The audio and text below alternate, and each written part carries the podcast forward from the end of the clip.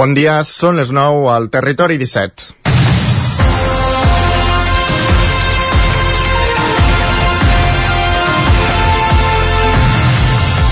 La futura aprovació de la llei d'amnistia, un dels acords insalvables perquè les formacions independentistes d'Esquerra i Junts fessin efectiva dijous la investidura de Pedro Sánchez al Congrés dels Diputats, manté expectants les persones encausades en els diversos processos judicials relacionats amb el procés independentista.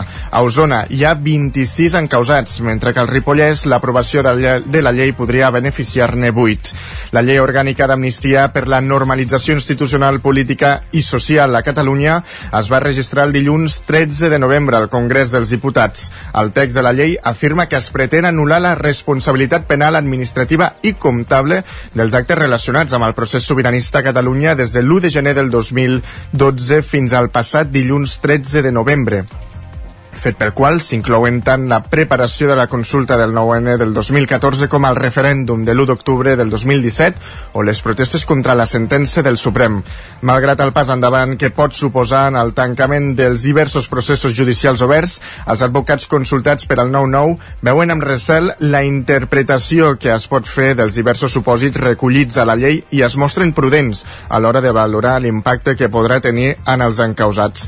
En els pròxims dies, doncs, veurem si la confiança confiança que han dipositat els partits independentistes amb el PSOE haurà servit o no per alliberar els càrrecs a Marta Rovira, els encausats pel tal de la Junquera el novembre de l'any 2019, els encausats per la sala a la comissaria dels Mossos de Vic al febrer de 2021, el mateix mes en què es van encausar tres persones per les protestes durant la visita dels membres de Vox a Vic, etc etc etc.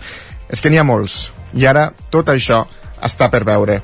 És dimarts 21 de novembre de 2023, en el moment de començar el Territori 17 a la sintonia de Ràdio Cardedeu, Ona Codinenca, la veu de Sant Joan, Ràdio Vic, al 9 FM, i també ens podeu veure a través de Twitch, YouTube, Televisió de Cardedeu, el 9 TV i la xarxa més. Territori 17.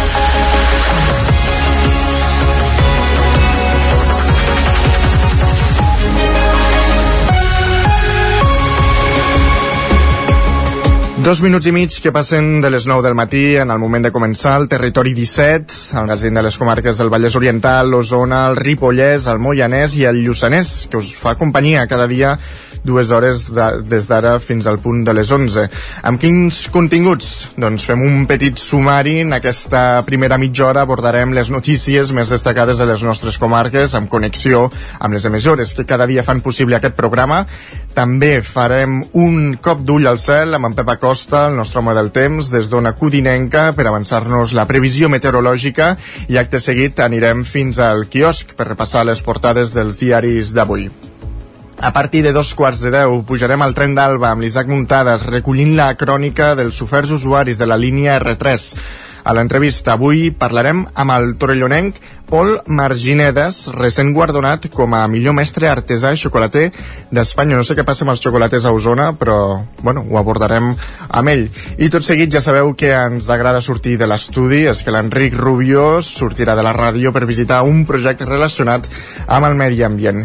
I un cop arribem a les 10, repassarem més notícies destacades de les nostres comarques, al temps, i serà el torn de l'espai d'economia amb Joan Carles Arredondo, cap d'economia del 9-9 del Vallès Oriental, que avui ens parlarà sobre el Black Friday. A dos quarts d'onze serà el torn d'en Guillem Sánchez, que ens portarà algunes piulades de Twitter. I tot seguit arribarem al final del Territori 17 amb el podcast del racó de pensar, on Maria Permanyer avui abordarà la problemàtica de l'ús de les pantalles i els infants. Aquest és el menú del Territori 17 d'avui, dimarts 21 de novembre de 2023, i comencem a servir-lo ara mateix amb les notícies més destacades de les nostres comarques, les notícies del Territori 17, les notícies del Vallès Oriental, Osona, el Ripollès, el Moianès i el Lluçanès.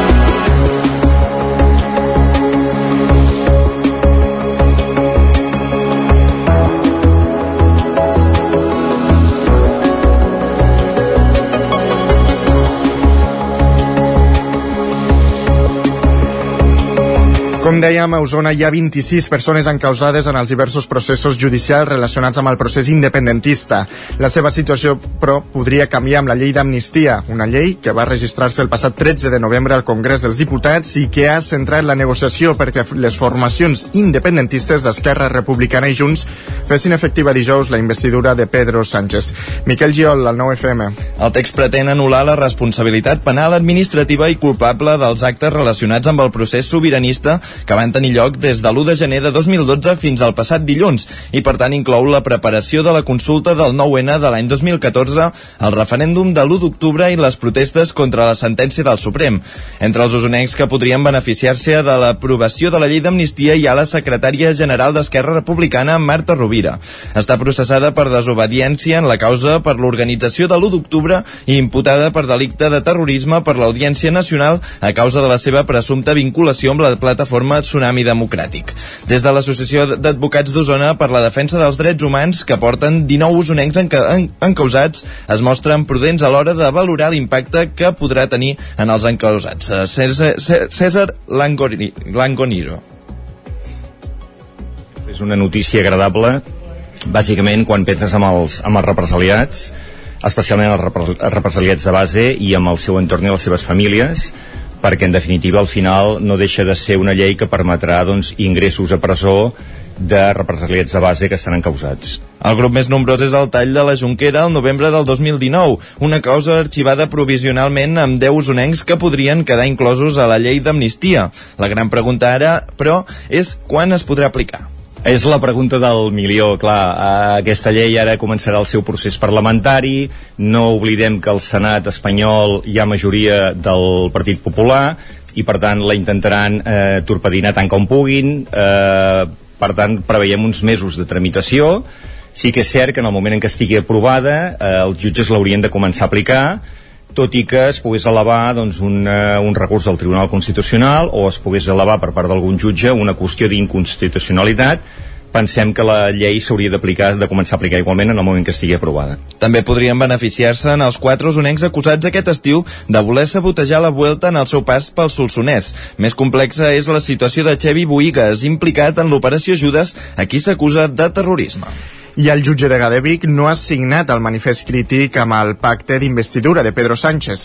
Es tracta d'un manifest que diferents associacions judicials van emetre el passat 9 de novembre en el qual rebutjaven el terme lawfare o judicialització de la política, inclòs en l'acord entre el Partit Socialista i Junts.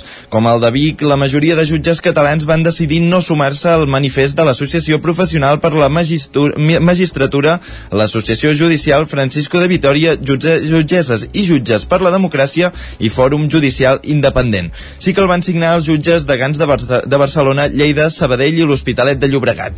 Consideren que les comissions d'investigacions parlamentàries pactades entre el PSOE i Junts per detectar casos de lawfare i depurar responsabilitats podrien suposar una intromissió a la independència del poder judicial i al trencament de la separació de poders. El regidor de Junts per Sant Feliu, Pere Pladevall, denuncia un acte vandàlic al seu vehicle. Roger Rams, zona codinenca. Sí, exacte. L'exalcalde de Sant Feliu de Codines i actual cap de l'oposició a l'Ajuntament, Pere Pla de Vall, ha patit aquest dilluns un acte vandàlic al seu cotxe privat.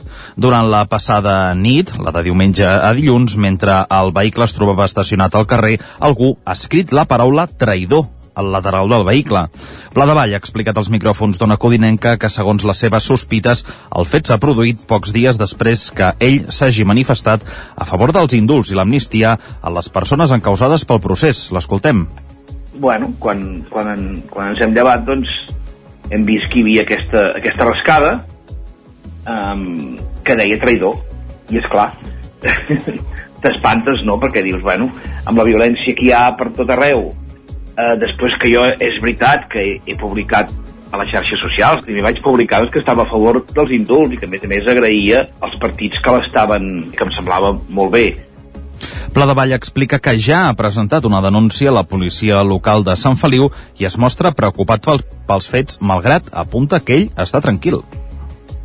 Sí, però, però denuncio a la policia local, els Mossos sé, sé que estan avisats, però si m'han de fer alguna cosa faran quan no, quan no hi hagi ni policia ni Mossos i quan menys jo m'ho esperi. Espero que no vagi més, també, eh? També t'ho dic, eh? no, no, no estic cridant al, al mal temps, eh? Però, però em capfica, em capfica una mica, perquè que no puguis fer política parlant i, i opinant que a les primeres de canvi t'hagin de fer aquest, aquest avís, oi? Doncs, mm, home, traïdor, no? Traïdor què? jo no m'he traït mai a mi mateix ni a les meves idees.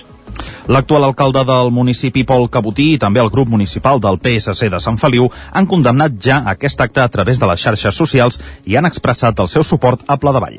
L'Ajuntament de Roda de Ter ha prohibit la circulació de vehicles pel pont vell després que s'hagin detectat desprendiments en un dels arcs, Miquel. De moment només hi poden passar aquells que vagin caminant o en bicicleta. La decisió s'ha pres per garantir la seguretat, però per ara no se sap quant temps estarà tallat. L'afectació es va observar en un dels arcs inferiors del pont, a la part més propera a la carretera de Barcelona. L'alcalde, Toni Mas, diu que de moment s'hi farà una primera intervenció per evitar més despreniments. Hem detectat alguna petita esquerda i algun altre petit despreniment, doncs que, hem de, que és el primer que hem de fer, i sembla que la primera opció serà un mallat que eh, sostingui que no, hi pugui cap, eh, que no hi pugui haver cap altre desprendiment i paral·lelament ja estem treballant en que hi pugui haver un projecte d'intervenció per, a la, per poder eh, per a la conservació i, i manteniment del pont. Les últimes actuacions que es van fer al Pont Vell de Roda daten del 2015, quan es va millorar i ampliar la calçada. Llavors només es va considerar intervenir a la part més alta del pont, on s'havien detectat cavitats i fissures. Es va fer un, una intervenció a la part a la, a la part dels arcs a, a, de la meitat en amunt del pont. I de la meitat en avall eh, aquesta no va quedar feta. Per tant no tenim des d'aquesta intervenció segurament en aquell moment no, no es va veure necessari i es va prioritzar en la part superior. I des d'aquesta intervenció ara eh, no tenim informació l'última vegada que s'hi hagués pogut fer una, una, una, una intervenció al pont.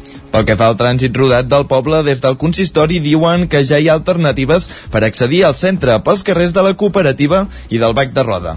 Un cop sàpiguen el temps que el pont haurà d'estar tallat, determinaran si prenen mesures per millorar la circulació. La direcció de Girbau i el comitè d'empresa, format majoritàriament per representants de comissions obreres, han arribat a un preacord per al nou conveni col·lectiu que la plantilla ha ratificat. La negociació va començar pel gener i entremig hi ha hagut una vintena de reunions i un moment clau, segons el comitè, a finals de juny. En parla el president del comitè, Jaume Corones. Nosaltres vam fer una... vam forçar un dos dies de vaga amb una mediació que va, ser, va tindre lloc aquesta el 27 de juny. Els dies de vaga eren el dia 29 i 30.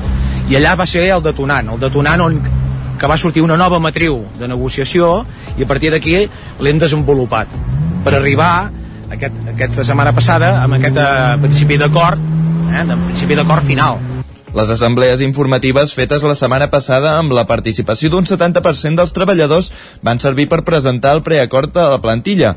Un 92% dels empleats assistents van ratificar el document, que s'ha de convertir en l'acord definitiu que les dues parts signaran les properes setmanes. El preacord estableix increments salarials que milloren l'acord estatal de la negociació col·lectiva amb puges del 4,5% aquest 2023, del 3,5% pel 2024 i del 3% al 2025. Jaume corones. Millora un 1%, un 1%, l'acord aquest de l'ANC que us dèiem, eh, de l'acord estatal per l'anunció col·lectiva, l'hem millorat un punt, i a més ens hem ficat una garantia d'una revisió tècnica sobre l'IPC de Real de Catalunya en cas de que superés aquests, aquests percentatges, amb un tope d'un 1%. Hi ha hagut també un, un prorrateig, diguéssim, també d'algunes pagues, algunes pagues les hem insertat amb unes altres per anar simplificant conceptes, perquè tothom tingui, per exemple, una base reguladora molt més estable, val? i eh, a nivell de la, dels permisos socials hem fet una readaptació doncs, dels permisos que són d'àmbit general amb la signatura del nou conveni col·lectiu, des del comitè consideren que es podrà donar per tancada definitivament l'etapa de turbulències que la pandèmia de Covid-19 va suposar per a Girbau, sobretot a causa de l'aturada del sector turístic. Durant el 2020 l'empresa va presentar expedients de regulació temporal d'ocupació i a principis de 2021 un ERO que inicialment preveia 76 acomiadaments. Després d'un procés negociador es va acordar la sortida de 48 persones entre prejubilacions i acomiadaments assistents amb condicions pactades. I obrim ara plana cultural, èxit eh, de la segona edició de la Fira de Micropobles, celebrada a Planoles. Isaac Muntades, des de la veu de Sant Joan. Aquest dissabte al matí, Planoles va acollir la segona edició de la Fira de Micropobles de Catalunya, que va ser un èxit absolut gràcies al dia esplèndid que va fer a la participació de 25 micropobles de 13 comarques diferents d'arreu del territori català. L'alcalde planolenc, David Verge, va destacar que les persones que van visitar la fira van interessar-se per l'habitatge, els terrenys, els negocis o per les escoles rurals. També es van fer un munt d'activitats com el tir en barc, un campionat de bitlles catalanes, un ball de bastoners, música tradicional o la presentació del llibre La tira de rutes, una guia que recull 50 excursions assequibles que es poden fer al Ripollès, descrites pels valls i fogonins Carme Freixa i Miquel Sanya i publicades des de l'any 2015 a la revista gratuïta La Tira, que ja va desaparèixer. El llibre es va presentar el passat mes d'agost i ara es va tornar fent al mar de la fira. Cadascuna de les rutes està descrita amb text i fotografies i disposa d'un codi QR que condueix al Wikiloc per poder-la realitzar i n'hi ha de cadascun dels 19 municipis de la comarca. Abans de tot això, el cantant Manu Guix, que estiueja a Planoles i que va comentar que no descarta instal·lar-se definitivament al poble en el futur, va destacar la necessitat que la cultura estigui present en aquests municipis. L'alcalde planolenc va remarcar la intervenció del president de Micropoble, Joan Solà. Escoltem a Verge. Que el món rural tingui molta més visibilitat, que la Generalitat ens faci més cas, que ens tingui més en compte, ja que al final som el 51% del territori i tenim el 3% de la població, per tant, aquest 3% està clar que és l'objectiu bàsic d'anar-lo incrementant, que vingui a viure més gent als micropobles o, o que la gent que hi viu no marxi. Per tant, hi ha molta feina a fer i el missatge que vam transmetre és que la Generalitat n'és conscient d'aquesta feina que s'ha de fer, però tot és massa lent i tot és massa burocràtic. Per tant, si volem tenir reequilibrat el territori, amb 10 anys i no amb 50 anys, hem d'avançar més ràpid. Per això necessitem que la Generalitat avanci més ràpid. Entre els assistents a la fira hi havia la vicepresidenta del Parlament de Catalunya, Alba Vergés, que més té una segona residència a Planoles, o el president de la Diputació de Lleida, Agustí Jiménez. La fira, que es va organitzar l'any passat per primer cop al municipi de l'Estany, al Moianès, llavors va tenir una participació de 16 pobles. Els micropobles són aquells municipis que tenen menys de 500 habitants o que en tenen menys de 1.000 amb nuclis dispersos i que perden població. Verge és el tresorer de l'associació i, a més a més, forma part de la sectorial de territori i lidera la comissió d'habitatge. I a Cardedeu, al Vallès Oriental, aquest cap de setmana ha arribat el Sona, el Festival de Música Clàssica de Tardor. Enric Rubio, Radio Televisió Cardedeu. Així és, Sergi, i ho ha fet amb una conferència, audició de flauta dolça i un concert de música de plectre, els quals han configurat la programació organitzada per l'Associació Coral Cardedeuenca. Alfons Riera és el president d'aquesta i així ens ho ha explicat ve ser, per dir-ho manera, la germana petita del, del Ressona, no? Vam considerar que aquest Sona està, en principi, està feta i pensada amb el quilòmetre zero, o sigui, és gent per potenciar la gent de la cultura, diguéssim, musical del propi Cardedeu, no? El Sona ha tingut lloc a l'espai Acmor i al Teatre Auditori de Cardedeu, on s'ha pogut gaudir de l'actuació del tercer circuit de plectre amb una orquestra independent de corda pinçada. Ens ho ha explicat en profunditat Glòria Segura, música del festival, i el mateix Alfons Riera fer-la servir a les escoles és un instrument que realment té una llarga història. De fet, la flauta que s'ha trobat més antiga, que ja es considera flauta dolça, és de l'època medieval i va tenir molta importància el Renaixement i sobretot el Barroc. Després ja va desaparèixer perquè les orquestres es van fer més grans i llavors ja no se sentia la flauta i va quedar doncs, de, relegada per la, que seria la flauta travessera que es va convertir a metall perquè abans era de fusta també. És molt curiós perquè eh, aquest grup que ve avui Peltre eh, eh, són mm, grups independents, diguéssim que s'han format una orquestra i van actuant de lloc de tant en tant alguns jocs, no? Cal recordar també, en les dates en les que ens trobem, que l'agrupació coral cardedeuenca ja està preparant l'actuació del 16 de desembre a l'Església de Cardedeu, on es cantaran Nadales. Gràcies, Enric. Acabem aquí aquest repàs informatiu. Anem a saber ara com està el temps.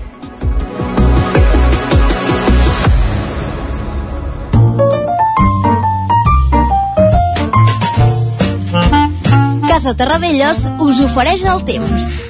Saludem el nostre home del temps, Pep Acosta, dona Codinenca. Bon dia, Pep. Hola, molt bon dia. Què tal, com va tot? Aquí dimarts ja. Estem contents. Ha plogut una mica. Uh, una mica i ha plogut més de l'esperat, sobretot cap a la zona del Montseny. Valors entre 15 i 20 litres d'aquesta zona. Molt benvinguts, feia molta falta i bueno, uh, està bé, eh? està bé aquesta pluja de 15.000 litres òbviament no soluciona la sequera però en aquesta zona ha sigut prou beneficiosa De moment tenim valors també entre 5 i 10 litres cap a Osona i a altres zones del peritoral hi ha eh, valors inferiors a aquests 5 litres. De moment encara ha pogut poc a la zona del Pirineu i nevat poc a la zona del Pirineu. Però bueno, anirà canviant això. Anem a pams, anem a pams. Primer de tot, això, aquesta pluja nit, aquest front que ha escombrat les nostres comarques i com més s'ha pogut des de la zona del Montseny. Per fi aquella zona ha rebut una mica de pluja que és molt i molt important. Les temperatures a aquesta hora són semblants a les d'ahir. Encara no està entrant l'aire fred aquest del nord que ens afectarà i per tant les temperatures ara mateix són bastant semblants a les d'ahir. De cara a les pròximes hores, aquest front de nord anirà marxant eh, ràpidament i les clarianes cada vegada seran eh, més importants i a, de cara a ja s'imposaran aquestes clarianes. Eh, I farà sol, però notarem una baixada ja de temperatures. Aquest front ha obert les portes a, a vents més freds, a vent de nord, i per tant notarem aquesta baixada de temperatures. Al migdia poder baixaran eh, 4 5 graus respecte a les temperatures d'ahir. És a dir, eh, que a moltes poblacions, a gairebé totes, els hi costarà molt arribar als 20 graus. La majoria màximes entre els 16, 18, 19 graus. Temperatures ja molt més normals per l'època de l'any. I on especialment notarem aquesta entrada d'aire fred serà la pròxima nit. La nit de dimecres, de, perdó, de dimarts a dimecres sí que ja serà força freda i englaçades, englaçades a moltes poblacions de les nostres comarques. Què notarem també a partir del migdia de la tarda? Aquesta entrada vent de nord fa que els núvols quedin eh, retinguts a la zona del Pirineu. I a partir d'aquest migdia tarda començarà a nevar especialment cap als cims del Pirineu. Eh, jo crec que més o menys de, de Camprodon cap al nord és on començarà a nevar. No crec que la, la neu arribi més avall. I és que amb aquestes entrades de de nord on neva més és cap al Pirineu de Lleida i a casa nostra neva bastant menys. Eh, però bueno, cap a Ull de Ter allà sí que pot nevar una mica potser 5-10 centímetres que aniria molt molt bé almenys poden canviar una mica la fisonomia del Pirineu poden canviar aquests, aquestes muntanyes tan plades que ja hi pot haver una mica de neu a partir de demà ojalà, ojalà es produeixi i ojalà que la nevada sigui més important de la pronosticada i a Baiter poden superar, no sé, 15-20 centímetres. Uh, el vent, el vent s'ha destacat, uh, però afectarà a zones poc poblades i sobretot cap al Pirineu i cap als cims més alts del transversal i al Montseny.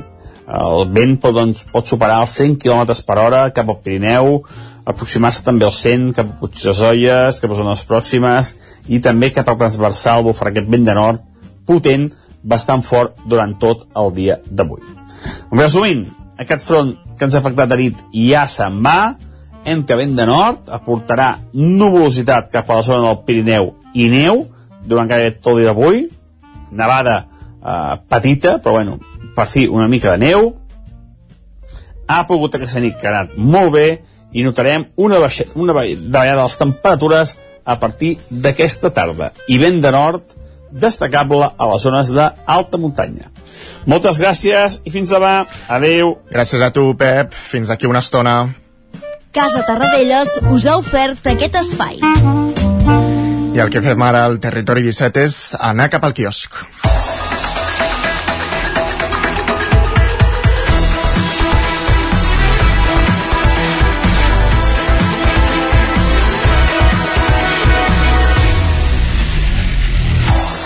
Miquel Giol, bon dia de nou.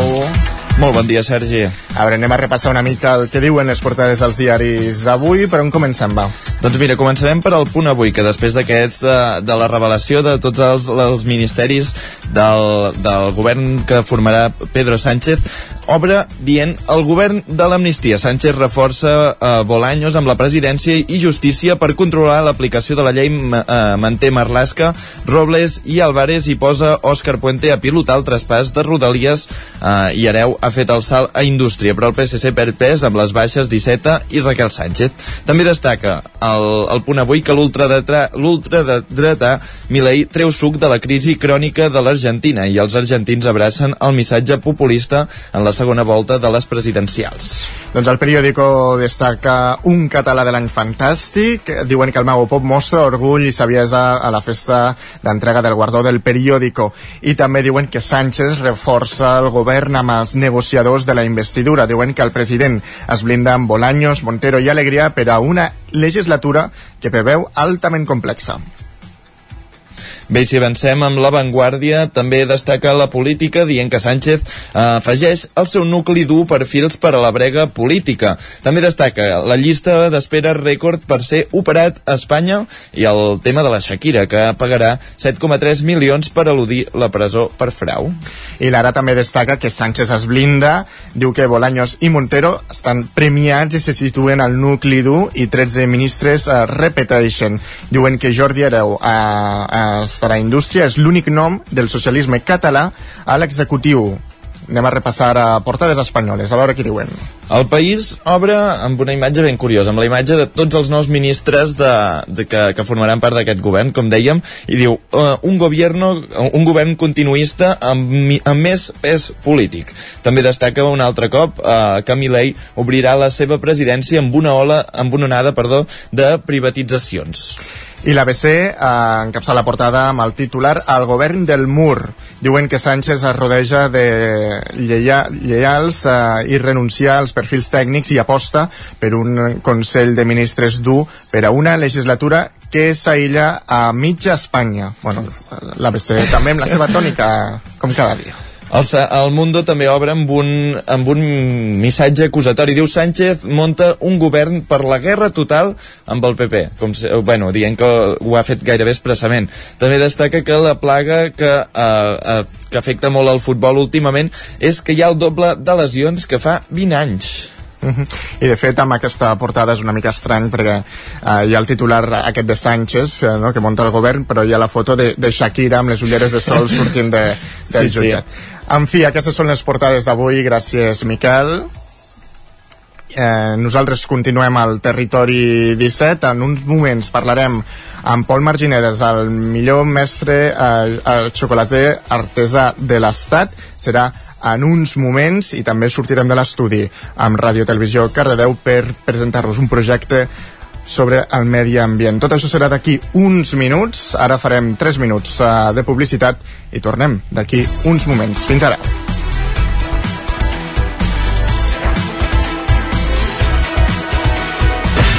El nou FM, la ràdio de casa, al 92.8. Cinquena edició de la Fira del Fredeluc i la Botifarra. Aquest diumenge 26 de novembre vine a Santa Eulàlia de Riuprimer per passejar-te entre les parades de productes artesanals i de proximitat amb demostracions, jocs tradicionals i música en directe. Esmorzar de bon matí amb pa de bolets i botifarra i xocolata desfeta de l'Angelina. En Jordi Baucells i en Pere Vila parlaran de bolets, cultura, oci i negoci i al migdia tas de productes elaborats amb botifarra i bolets.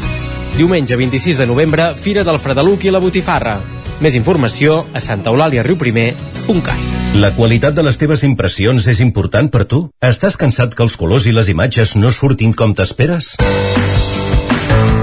A Impremta Mater disposem de la tecnologia més avançada i els millors professionals per aconseguir impressions d'alta qualitat. Fem tota classe d'impresos amb acabats professionals. Llibres, catàlegs, revistes, tesis, calendaris, enquadernacions... I a més, disposem del servei d'impressió digital en gran format.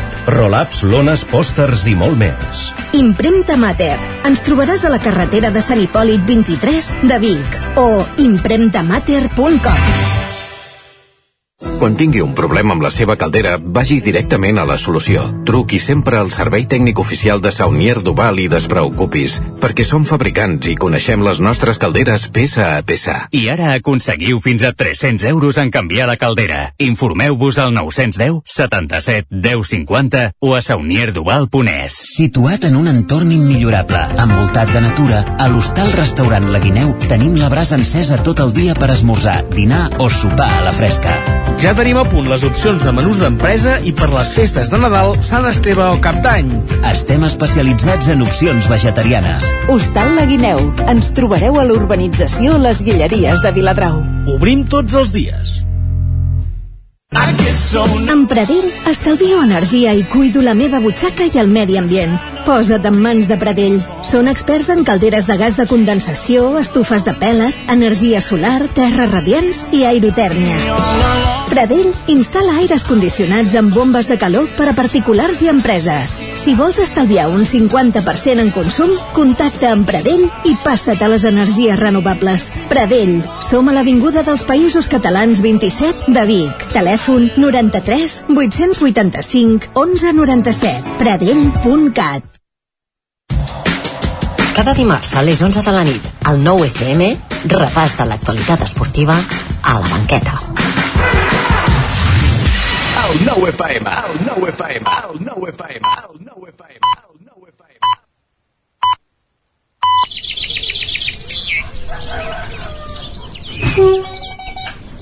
A Tren d'Alba. Cada dia els usuaris i usuàries de la línia R3 de Rodalies que veuen sortir el sol des d'un vagó ens expliquen les gràcies i les penes del primer comboi que uneix Ripoll i Barcelona o les feixugues jornades amb el tren després de treballar.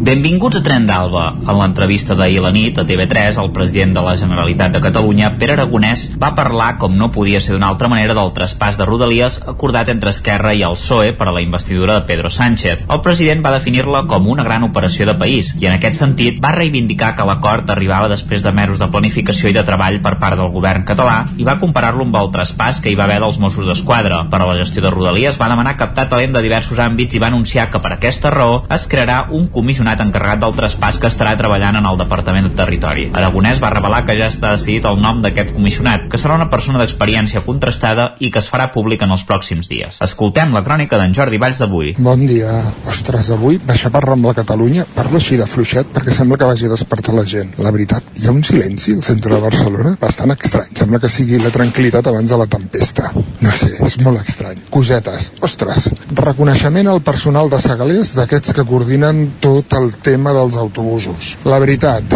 és que tant a Centelles com a la tornada a Sagrera, ostres, superbé, tant el personal que va amb, amb les armilles grogues, que diguem-ne són els correntillos, com les persones que veus que ja porta coordinador segalers. Fins i tot un dia d'aquests, el di si no recordo malament, dimecres, no arribava un bus que va arribar 5 minuts tard, pel que fos, i el coordinador es va ficar al mig de, a la Sagrera, al mig de la Meridiana, mirant a veure si venia l'autobús que dèiem, surts d'aquí que t'atropellaran. Hòstia, bona feina. Amb el que tenen, amb el que han de fer i gestionar, considero que s'ho estan treballant molt. I que el servei, va, posem-li nota, per mi un 8 i mig com a mínim. La veritat és que excepcionalment bo, sent alguna cosa que ha licitat eh, Rodalia Renfe. Renfe, bueno, aquests, els del tren, que mai saps qui són. Tu, felicitats, segalers, gent que hi treballeu amb els busos. Gràcies. Doncs estem contents que almenys el que denominaríem com a soldats rasos facin bé la seva feina, perquè déu nhi el que heu d'aguantar cada dia. Esperem que aquesta nota de 8 i mig pels treballadors barra coordinadors dels autobusos de Segalers pugi encara una miqueta més. Va, ens retrobem demà amb més històries del tren i de la R3. Passen dos minuts i mig de dos quarts de deu.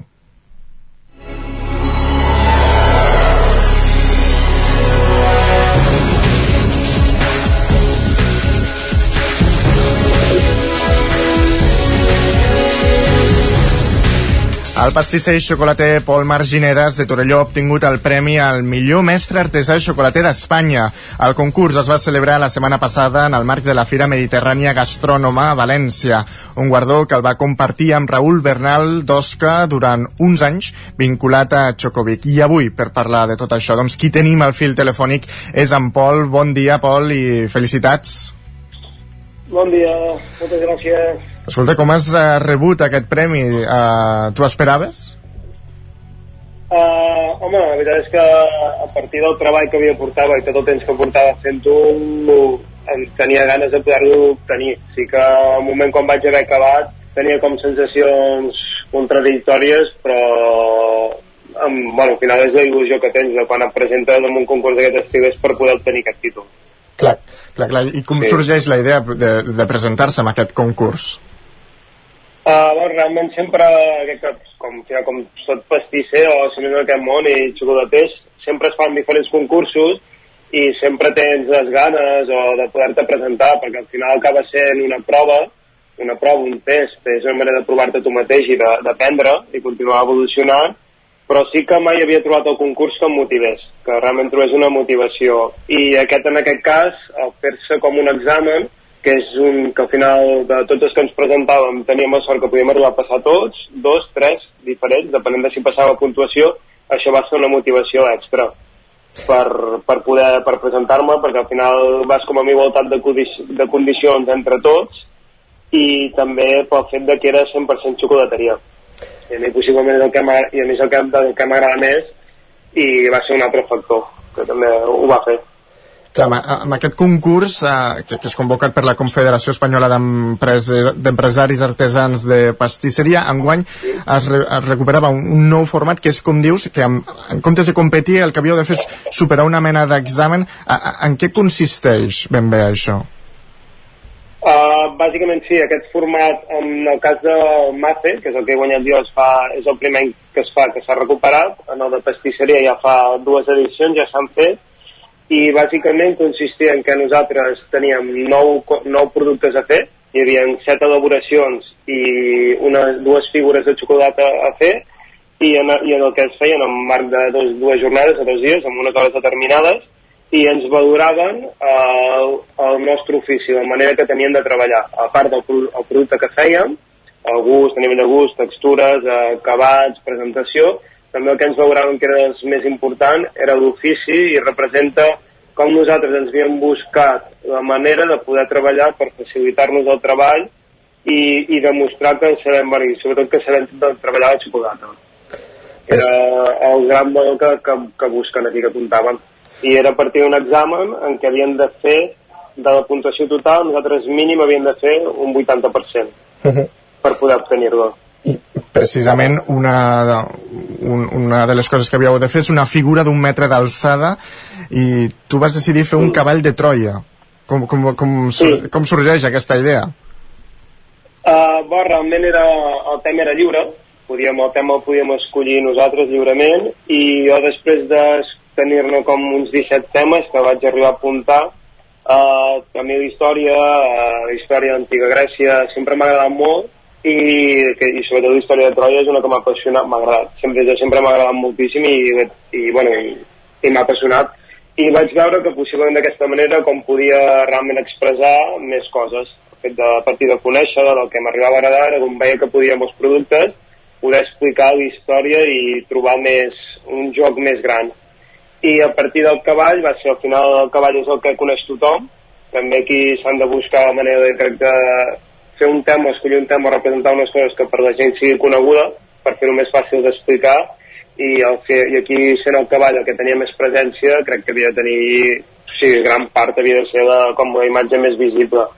I vaig voler jugar també per poder, al final una figura per no fer una es va jugar amb lleugeresa i per això vaig voler fer el cavall com que representés l'estructura de fusta que es veia la part de dintre com amb que siguessin els llistons de la fusta que formaven part de l'estructura interior I, i, i què es fa després amb una, amb una figura tan gran no? de, de xocolata? Què, què se'n fa després? Uh, home, primer aquesta xocolata, o hi ha moltes vegades, no va ser en el nostre cas, però es porta a exposar, la pots arribar a exposar a la botiga, si tens botiga, o es porten en diferents museus, o si més no, jo amb els que vaig anar fent també per fer de prova, el que feia era tornar a fondre la xocolata per Ah. tornar a fer la repetició de la mateixa figura. Al final la xocolata, si la treballem bé, la podem anar fonent les vegades que faci falta.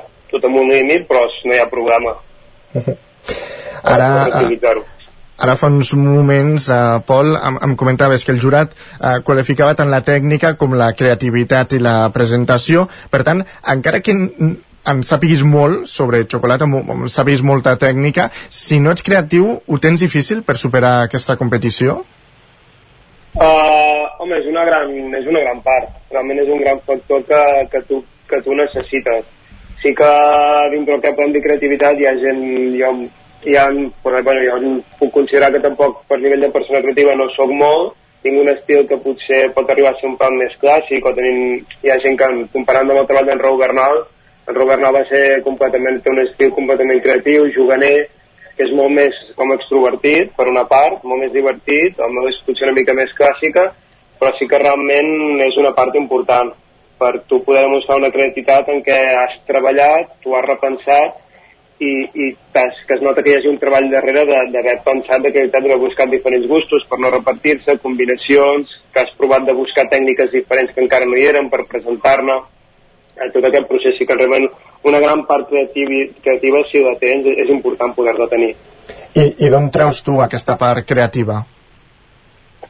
Bueno, realment de, de pensar-hi molt, jo crec, jo crec que puc dir. Jo, segurament, és de, de coses que... de, de pensar, de, de veure, de mirar molt, de, de veure feines d'altres companys, de que, que veus petites coses, petits detalls, que, que et donen idees, que les proves i que penses, ostres, doncs puc provar de fer una cosa així anant per aquest camí, a veure què em surt. I a partir de pro- d'error- d'errors, proves, eh, és el que em va sortint i vas trobant el, el camí. Al final és, és el fet de treballar-hi, de, de treballar i d'anar provant, perquè d'aquesta manera és com vas agafant tu també una filosofia, una manera de treballar, un estil, i és on tot comença a fluir. Clar, de fet, tens, tens referents tu en aquest món? Uh, sí, sí, sí, la veritat és que en tinc, tinc, en tinc moltíssims i he tingut també la gran sort que amb molts d'aquests referents he tingut la sort de treballar o puc, a nivell de xocolateria, pastisseria és comú, hi ha com que formen part de l'equip de la Xocolata Academy, com Ramon Morató, Josep Maria Ribé, que també que era el jurat, el president del jurat, d'aquest del concurs em vaig presentar, hi ha Miquel Guarro, que és el meu cap a, que és el meu jefe aquí a Barcelona, és el meu cap aquí a Barcelona, la pastisseria on treballo jo, Hoffman, uh, Enric Rovira, que és un xocolater, en Raúl Bernal també ho és, uh, i després jo vaig, vaig estar treballant una època a França i allà vaig tenir amb el qui va ser el meu cap allà, Patrick Roger, juntament amb el seu segon, eh, Stefano Casadio, que són grans referents per mi. Entre Franz Hasmut i Stefano Herú. Són realment a més ara amb les xarxes tenim la sort que podem veure moltes, moltes, molta gent, molts estils i tot això acaba sent és una facilitat per tu també poder anar agafant referents i, i poder crear una línia. Clar, clar, clar. I, I et vas haver de preparar molt per participar en aquest concurs? Sí, realment jo ha estat un procés, un projecte que ha donat 9 mesos. Jo al desembre-gener, de, o sigui, desembre 2022 i gen, principis entre desembre 2022 va ser quan van començar a fer la convocatòria, desembre i gener, va ser principis de gener, finals de desembre, principis de gener, i jo vaig decidir al gener de presentar-m'hi, després vaig estar tot el febrer, a partir de, vaig arribar a pensar 17 temes per escollir, que em vaig acabar escollint a la Troia, em vaig estar un mes pensant en els temes i quin tipus de producte podia fer per començar a tenir una idea i a partir del març em vaig posar a fer les proves i ja fins ara, sense uns 9 mesos que compaginava la feina juntament amb el concurs. 9 mesos, clar, 9 mesos de preparació, més també una llarga trajectòria. que què suposa eh, rebre aquest reconeixement, ara? Oh, realment ara és una, és una promoció a nivell professional.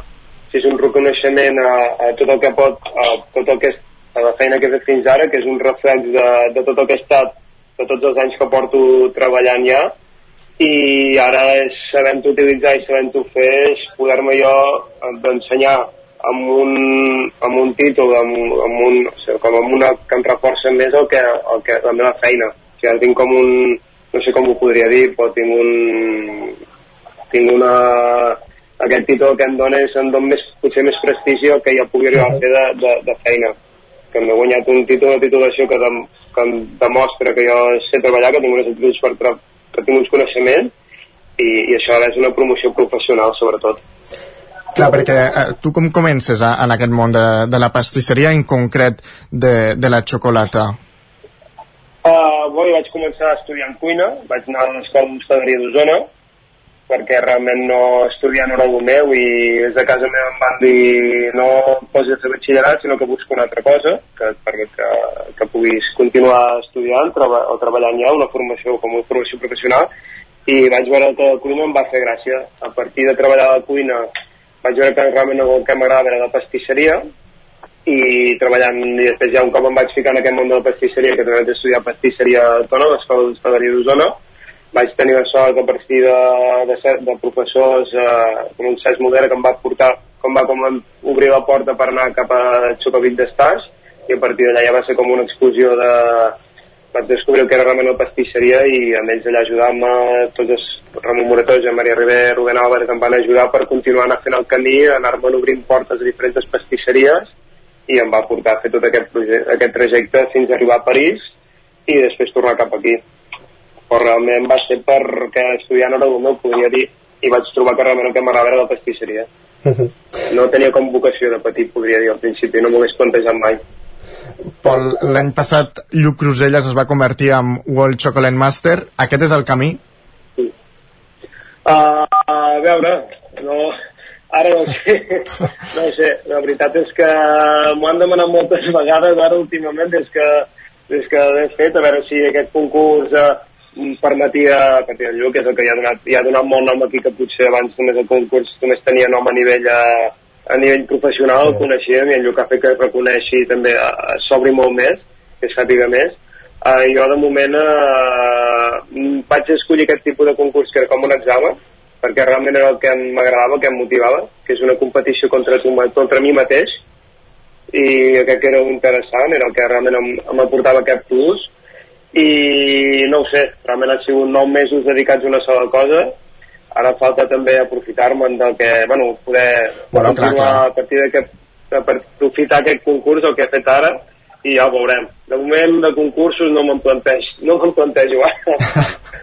tindré, tindré, ha set nou mesos que deixen moltes coses de banda i ara falta recuperar les altres també. Ara és moment de gaudir aquest, aquest reconeixement. Sí, això mateix, i sobretot ara de fer Nadal, que és el que ens ve de feina forta, els pastissers. Ara, doncs, uh, Pol, uh, moltes gràcies per passar-te avui uh, per aquí el Territori 17 per parlar amb nosaltres. Gràcies i felicitats per aquest reconeixement. Moltíssimes gràcies. Adéu, bon dia. Nosaltres el que fem ara mateix serà sortir de l'estudi.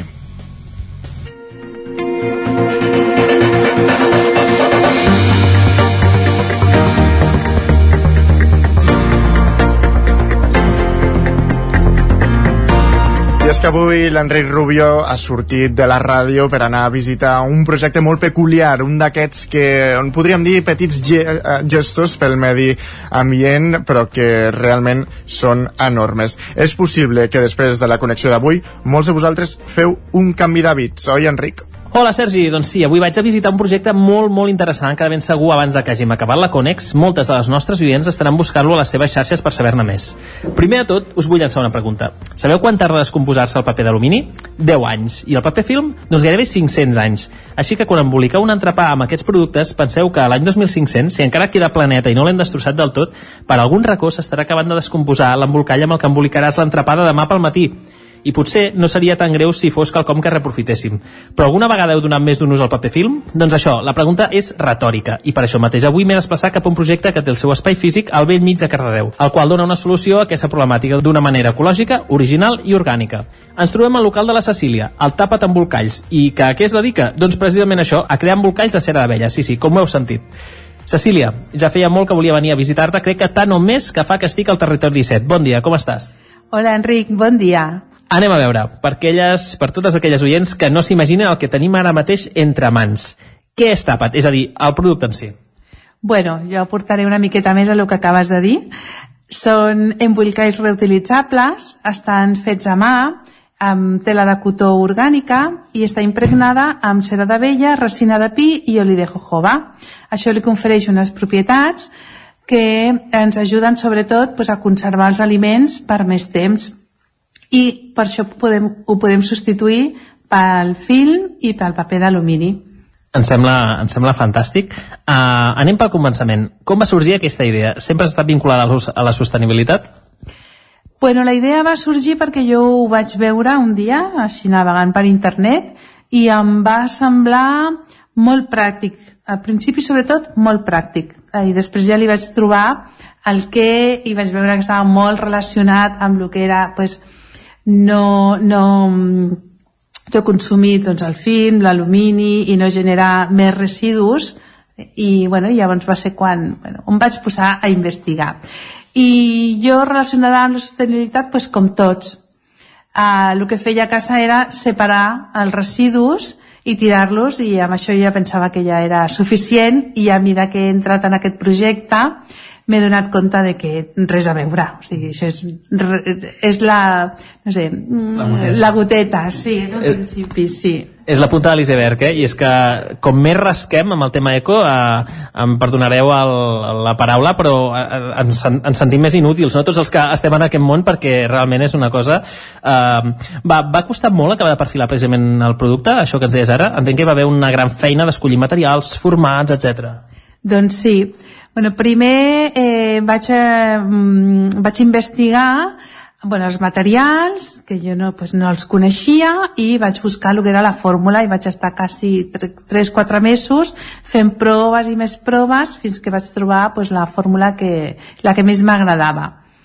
I ja després, aprofundint el que acabem de dir, també en el tema eco, sostenibilitat, clar, vaig veure que que això, tot això anava més enllà, o sigui, has de buscar pues, producte de proximitat, um, i no pots comprar qualsevol cosa ni qualsevol producte, són materials naturals i han de ser pues, el més ecològics possibles.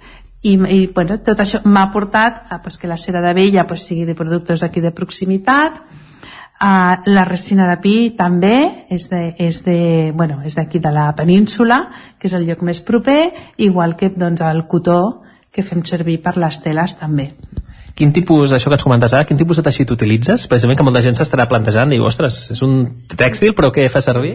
És cotó, cotó orgànic, és tela de cotó orgànica, eh, certificada o Ecotex Standard 100, això vol dir que les tintes, perquè bueno, porten mm, estampats, no tenen químics, ¿vale? perquè ha de ser lliure de químics, perquè és un producte que és alimentari, ¿vale? i al final pues, està certificat per, per l'RGCA, que és el, el, um, t'ho diré el registre sanitari.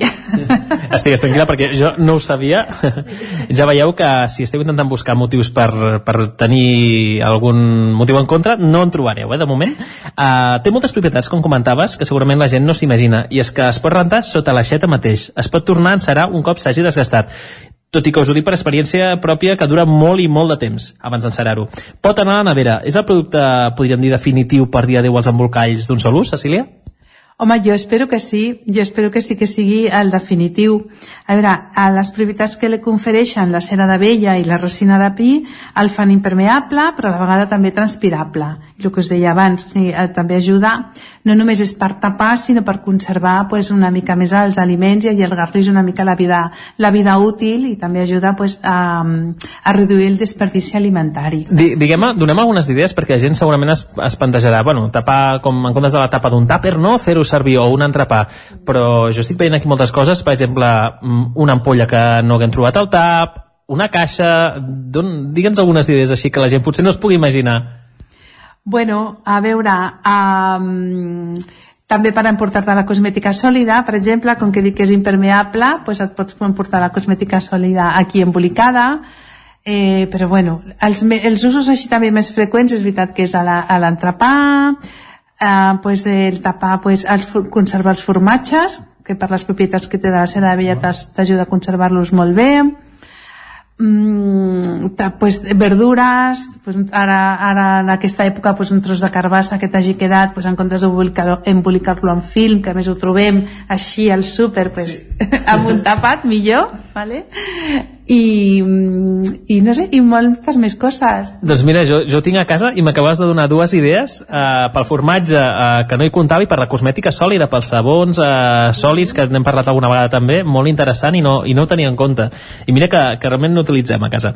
Eh, què li diries a la gent que possiblement estigui indecisa? Perquè aquests productes nous a vegades diuen, bueno, bueno, sí, però, però...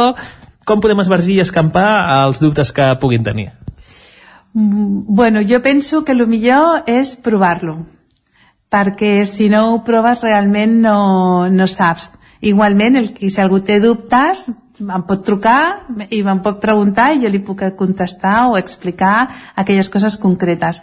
Però penso que el millor és pues, provar a comprar un, es poden comprar individuals, i provar-lo, fer-lo servir i llavors, així és com jo crec que et convences de que és una bona opció. I tant que sí. I ara sí que vull incidir en un tema que segurament és un dels temes estrella per sempre que parlem de coses ecològiques i així a l'hora de trobar contraindicacions falses, realment tabús. Uh, la gent sempre diu, bueno, sí, però, però el preu, a veure, jo us diré que si comparem amb el film o el paper d'alumini, que tampoc són, uh, no són precisament econòmics, uh, evidentment doncs, és un xic més car, però clar, estem parlant d'un producte que no sé si és de per vida, però dura moltíssims més anys. Llavors, és evident que l'estalvi econòmic és obvi a part dels beneficis ecològics. Uh, la gent com ho interpreta això? T'ho pregunten molt aquest tema? I quan pot durar, perdona dues preguntes aquí, quan pot arribar a durar un, un, un producte tapat? Bueno, el, el, el producte pot durar més o menys, depèn de l'ús, un any aproximadament. Després se li pot allargar la vida útil, jo faig unes pastilles com de recàrrega i es poden recarregar i els hi podem allargar la seva vida útil. Igualment, si quan hem acabat eh, o, o si se'ls hi ha anat ja tota la cera uh, no els hi volem allargar, jo el que us he dit és que no llenceu aquesta tela, perquè és una tela que es pot tornar a fer servir. Si es posa amb aigua calenta li marxarà tot el producte i us queda pues, un mocador, vale? eh, per exemple, de tela, que podem tornar els mocadors de tela en comptes de fer servir els de paper. I en quant si és car o no, mira, jo, fet, jo vaig fer un càlcul perquè jo el meu fill li preparo els, els entrepans per anar, per anar a l'Insti i els vaig calcular eh, que m'estalviava 90 metres de paper d'alumini wow. que són, crec, són rotllos de 30 no? de 30 metres que vaig veure, treure un, un preu mig que vaig veure al súper i et gastes el mateix, en preu et gastes el mateix sí pensem, tornem a recordar, perdoneu, però és que paper d'alumini 30 metres estem dient val, 10 anys en descomposar i paper film 450, 500 anys, eh? Em queda una cosa que m'has comentat, estàvem parlant d'això de la vida útil i m'has comentat que eh, vens aquestes pastilles per poder recarregar. Llavors, entenc que la vida útil eh, va, va relacionada amb quan eh, s'acaba la cera, però es pot tornar a recarregar. Llavors, podríem allargar-ho i allargar-ho, no? Mentre hi hagi teixit tèxtil, eh, podem allargar-ho anys, en aquest cas. Sí, sí, correcte. Podem anar allargant tot el que vulguem, sí. Um, D'acord, siguem sincers, segurament hi ha gent que ara mateix ens està escoltant i pensa m'encanta, però on l'aconsegueixo? Hem de tenir en compte que el territori 17 s'escolta pel Ripollès, Osona, Vallès Oriental, Lluçanès i Moianès. On poden aconseguir-ho les nostres oientes? Bueno, mira, eh, jo tinc, fa, faig mercadets, mercats, vale? i estic al Mercadet d'Artesanes de Cardedeu, que estem el primer i tercer dissabte de cada mes. També ara, eh, de cara al Nadal, em podeu trobar el dia 2 i 3 de desembre a la Fira de Torrons de Llinars del Vallès i el 15, 16 i 17 de desembre a la Fira de Nadal de Cardedeu. I també podeu trobar el producte a botigues d'aquí eh, pues aquí a Cardedeu, a la Fresca, a la cooperativa La Fresca, i també podeu trobar-lo als biopompes, al de Cardedeu i en el de Granollers. I ara, bueno, i ara tinc pàgina web també, també ho podeu trobar a la pàgina web, que és www.tapat.es. Així que ho heu escoltat. Eh, de fet, a La Fresca i al Biopompes són dos espais que hem visitat ja d'aquí a Cardedeu, que els nostres oients recordaran. Biopompes fa un parell de setmanes i La Fresca va ser la primera connexió que vaig fer, que vaig fer pel territori 17. Així que res, eh, bueno, Cecília us convida jo també des d'aquí a, a provar aquest producte i moltíssimes gràcies per haver-nos aproximat doncs, a aquesta revolució, diré jo, ecològica. Eh, gràcies per tot, Cecília. Gràcies a tu, Enric, moltes gràcies. Doncs res, uh, Sergi, a veure si us animeu a provar-ho vosaltres també. Estic segur que serà un canvi de vida per, per totes vosaltres i ens veiem aviat. Així és, fantàstic, Enric. Fins ara, nosaltres seguim aquí, al Territori 17.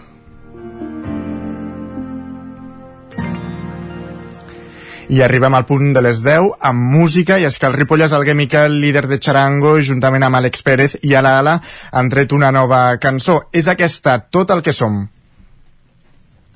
Quan de petits miràvem el cel estrellat i negre de la terra, no sabíem que el que hi veiem era un temps que marxava per no tornar. Oh, oh, oh.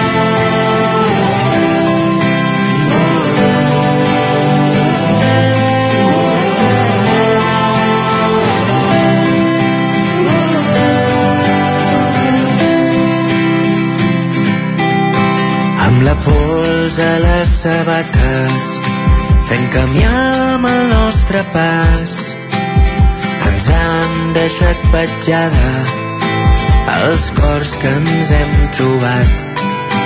Totes les portes obertes pensant sempre en plural. Coses senzilles i hem tret les grans veritats. I quan caigui el sol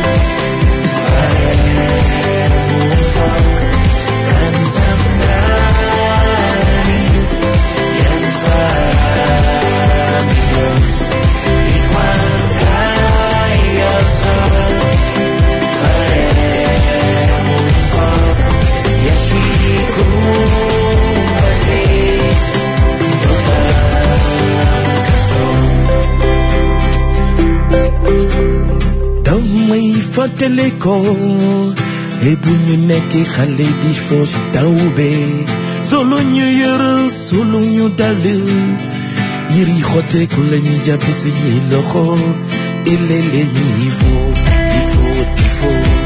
Ilele ñi dawal ti daw ci tawbe lii mooy suñu doole oh souvenir yi def Y quan caigui el sol i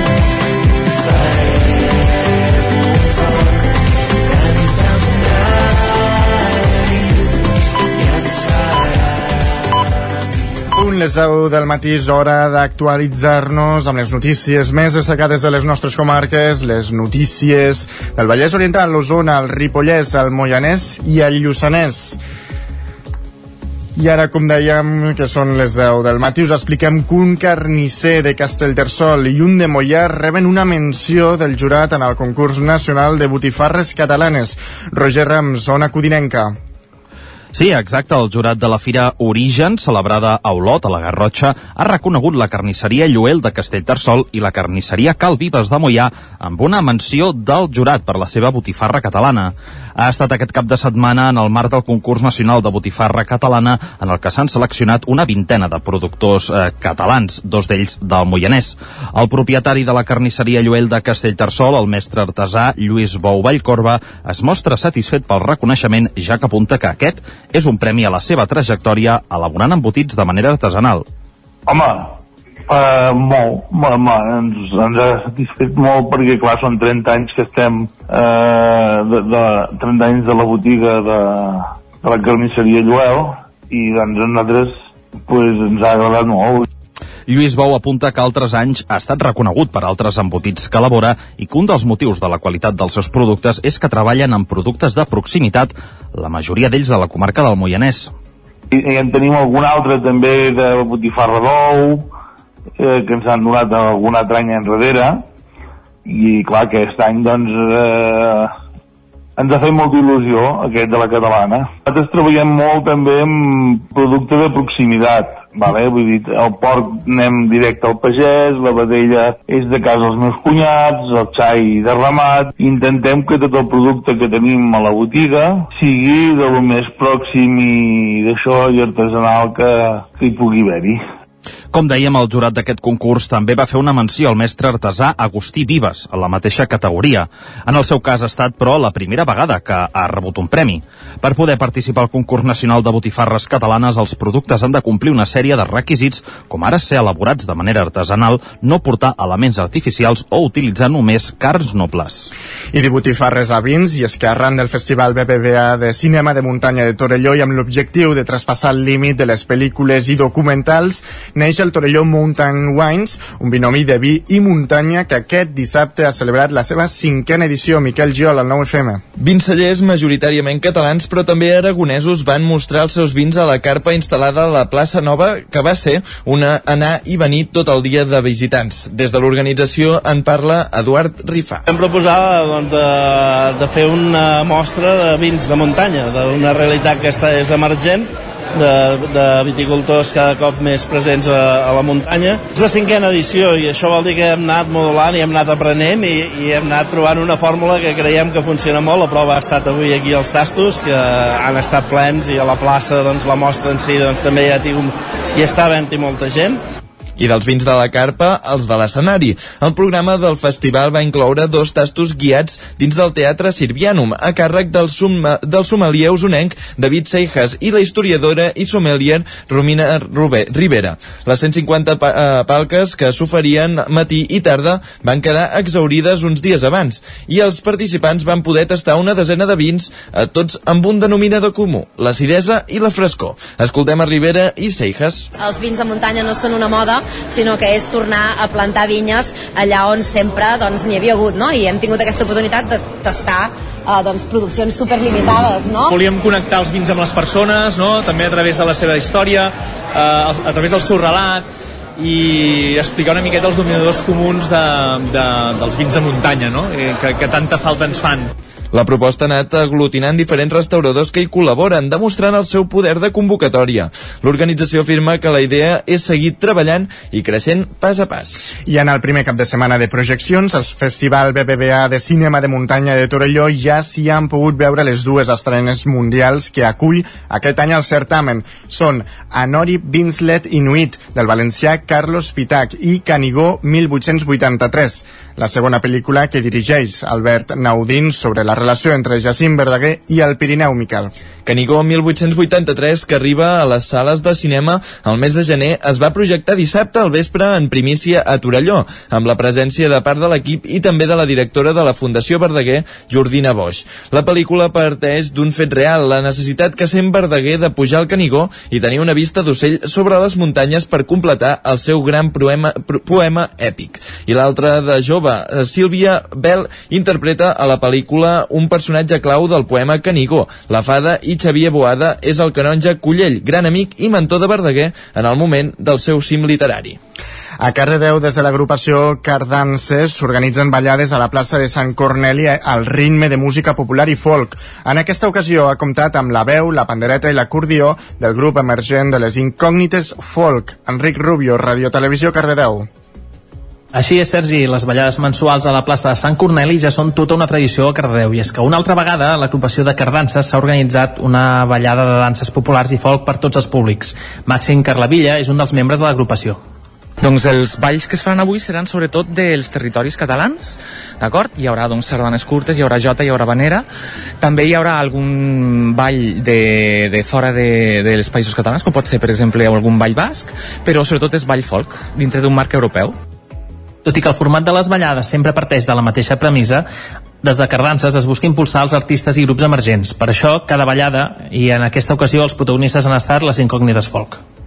Incògnites Folk és un grup emergent que ja s'ha estrenat a Girona al, al Folk Stoltes, al concurs Ramon Pellicer, i fan una proposta mm, molt interessant d'una part de ball tradicional i una part de uh, ball de creació nova. El format és el mateix, en el sentit de que les ballades són les mateixes, però cada cop contractem a grups nous perquè també intentem que arribin grups emergents i, i també una vegada a l'any intentem fer una ballada una mica més gran i això ho farem sobretot de cara al febrer. A més, des de l'agrupació es realitza un taller gratuït de danses populars que després es posen en pràctica a les ballades. I arrenquem a plana esportiva. El letó Dimitris Serjogins va guanyar una mitja marató de Ripoll amb bon temps, participació i rècords. Ens ho explica l'Isaac Muntades des de la veu de Sant Joan. Uns 580 atletes es van donar cita aquest diumenge en la 44a edició de la mitja marató de Ripoll, que va tenir una participació similar a la de l'any passat, però molt més ambient que qualsevol altra edició gràcies a les bones temperatures, en què es va arribar als 20 graus a les hores centrals del dia, lluny de les temperatures negatives que hi havia hagut fa només 10 anys. De fet, el bon temps va permetre que hi hagués més ambient que mai a la plaça del monestir de Ripoll. El guanyador de la mitja marató, la prova reina de 21 quilòmetres que anava fins a Sant Joan de les Abadeses, va ser el letó Dimitri Sergogins, que fa anys que viu a la Costa Brava i corria amb la Sansi. Sergogins, que ja té en el seu palmarès curses similars a Vilnius, Helsinki o la gallega Big Bay, va fer un temps d'una hora 6 minuts i 18 segons, no gaire lluny del rècord que té en possessió el garrotxí Nan Oliveres. Ho explicava Quim Merino de l'organització de la mitja. I en quant a la mitja marató, doncs hem tingut bastants focs artificials. Tenim una participació eh, de bastant nivell. No és una cursa molt concorreguda perquè tenim la competència d'altres mitges que també se celebren avui i la Beòvia la setmana passada que també afecta però realment els que han vingut a competir la mitjana dels corredors és una mitjana doncs, elevada de, de, de rendiment. Ha guanyat el Dimitri Sergorgins és un corredor jove. Ha fet un temps que s'ha costat bastant al rècord del Nan Olivera s'ha costat bastant. Uh, s'ha quedat uns 40-50 segons. Si jo crec que hagués tingut algun altre corredor que li hagués apretat una mica més els cargols crec que avui hagués saltat el, el rècord del Nan Oliveres La segona plaça va ser per Carles Montlló a més de dos minuts de distància i la tercera pel Sant Joaní Marc Guàrdia a més de 3 minuts del vencedor. En la categoria femenina va vèncer Míriam Ortiz amb un temps d'una hora 19 minuts i 19 segons, que més va ser la desena classificada de la General. La van seguir Rebeca Suárez i Elisabet Martín. Aquest any la resta de proves també van tenir molt de nivell i es van batre diversos rècords. de la de 5 quilòmetres s'ha batut el rècord el, el, sobretot el temple de marques d'homes, els de les dones es mantenen igual, però la marca masculina s'ha batut el rècord, un minut menys que el rècord que tenia l'Aleix Fàbregas de, de Ripoll. A la cursa de 10 quilòmetres han batut el rècord del Mare Guàrdia de Sant Joan, per dos minuts l'han batut, també bastant espectacular, 30 minuts, un ritme bastant, bastant espectacular. A la cursa de 10 quilòmetres del Comte Guifré es va imposar Miquel Riera del Club Atlètic Vic amb un temps de 30 minuts i 44 segons, seguit de Blai Roca i Hugo Triguero, mentre que en Fèmines va guanyar Sílvia Segura amb un temps de 37 minuts i 27 segons, per davant de Laia Canals i Vanessa Verdaguer. En la cursa Bressol de Catalunya de 5 quilòmetres es va imposar Roc Codina del Club Atlètic Nou Barris, amb un temps de 15 minuts i 35 segons, seguit de Martí Quer i Jordi Riera. En dones es va imposar Carmen Martín amb un temps de 23 minuts i 11 segons, seguida d'Anna Rivera i Paula Casquero. En les curses infantils de dissabte a la zona de la Devesa del Pla dels Jocs Esportius Escolars, per infants nascuts entre el 2010 i el 2019, van prendre-hi part uns 35 atletes. I a Manlleu, aquest diumenge, més de 350 persones han participat a la 31a edició de la Corre per Corre, la cursa popular que organitza des de fa més de 30 anys el Club Olímpic Manlleu, Miquel. Una edició marcada per l'augment de la presència femenina. El biguetà Marc Casas amb un temps de 34 minuts i 51 segons i Mireia Roca de Santa Eugènia creuant la línia d'arribada amb 47 minuts i 20 segons van guanyar aquesta edició. D'altra banda, el torellonenc Albert Navarro i Marc Ginesta de les Masies de Voltregà van tancar el podi masculí, mentre que les germanes Mònica i Ruth Comas de Folgueroles i Sant Julià, respectivament, van finalitzar segona i tercera d'una cursa que té una finalitat més solidària que competitiva. La prova constava d'uns 10 quilòmetres i estava formada per un circuit força trencacames, sobretot a l'inici, pujant fins a la zona de la Moreta i tornant pel passeig del Ter fins a arribar a la pista d'atletisme, al punt de sortida i tancament de la cursa. Doncs fins aquí arribem amb aquest repàs informatiu, que ho han fet amb companyia d'Isaac Muntades, Roger Rams, Enric Rubio i Miquel Giol. Anem a saber com està el temps.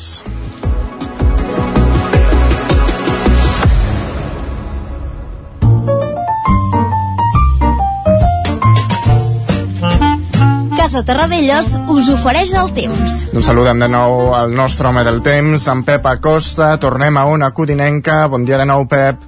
Hola, molt bon dia. Què tal, com va tot? De cara a les pròximes hores, aquest front de nord anirà marxant eh, ràpidament i les clarianes cada vegada seran eh, més importants i a, de cara a migdia s'imposaran aquestes clarianes.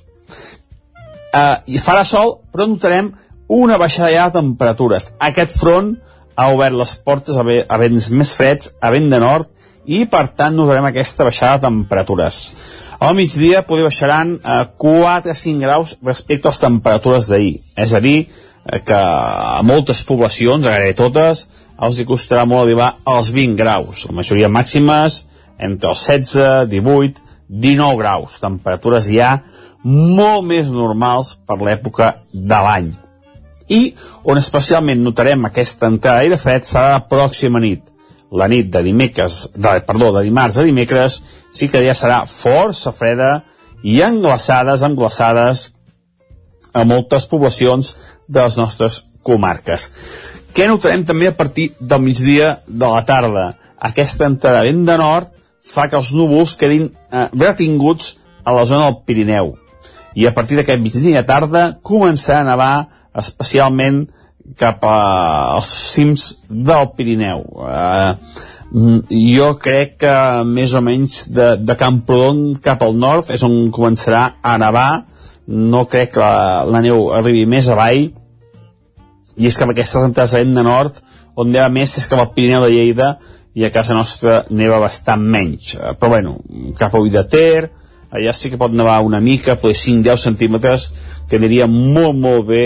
Almenys poden canviar una mica la fisonomia del Pirineu poden canviar aquests, aquestes muntanyes tan pelades que hi pot haver una mica de neu a partir de demà. Ojalà, ojalà es produeixi i ojalà que la nevada sigui més important de la pronosticada.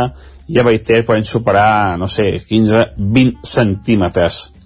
Uh, el vent, el vent s'ha desta destacat, uh, però afectarà a zones poc poblades i sobretot cap al Pirineu i cap als cims més alts del transversal i al Montseny. Uh, el vent pot, doncs, pot superar els 100 km per hora cap al Pirineu, aproximar-se també al 100 cap a Puigdesolles, cap a zones pròximes i també cap al transversal bufarà aquest vent de nord potent, bastant fort durant tot el dia d'avui. Resumint, aquest front que ens ha afectat de nit ja se'n va, entre vent de nord, aportarà nuvolositat cap a la zona del Pirineu i neu durant gairebé tot el dia d'avui, nevada eh, petita, però bueno, per fi una mica de neu, ha plogut aquesta nit que ha anat molt bé i notarem una, baixa, una davallada de les temperatures a partir d'aquesta tarda i vent de nord destacable a les zones d'alta muntanya. Moltes gràcies i fins demà. Adeu. Gràcies a tu, Pep. Fins demà. Casa Tarradellas us ha ofert aquest espai. I ara, que és un quart d'onze del matí, és el moment de parlar sobre economia.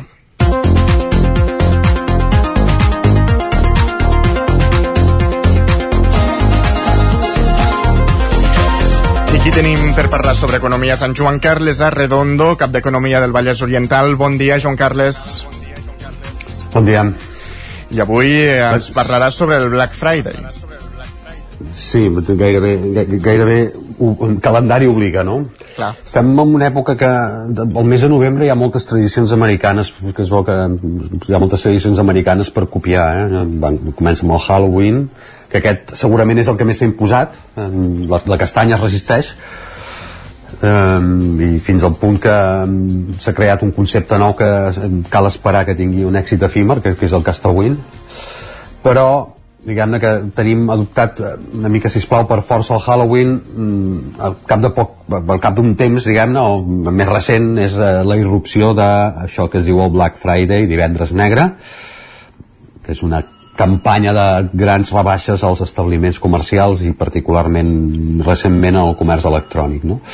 Mm, al principi va ser el Black Friday abraçat amb entusiasme perquè també s'ha de tenir en compte que era un temps de crisi financera, estem parlant de primer, primers anys de, de la crisi financera de, que va començar el 2008, diguem-ne que per aquells voltants eh, va arribar el Black Friday. Ja semblava que el següent pas per tenir un novembre ben nord-americà seria celebrar Acció de Gràcies i votar un novembre cada 4 anys, però de moment no hi ha indicis que aquestes tradicions, i particularment l'última, són molt gelosos amb, amb la seva democràcia els americans, afortunadament, doncs no, no, no sembla que, que, que, que aquest punt hagi d'arribar. Així que, per tant, el que toca avui, eh, perquè a més té més material econòmic per, per, per, per analitzar, diguem-ne, és parlar del Black Friday, que serà aquest mateix divendres.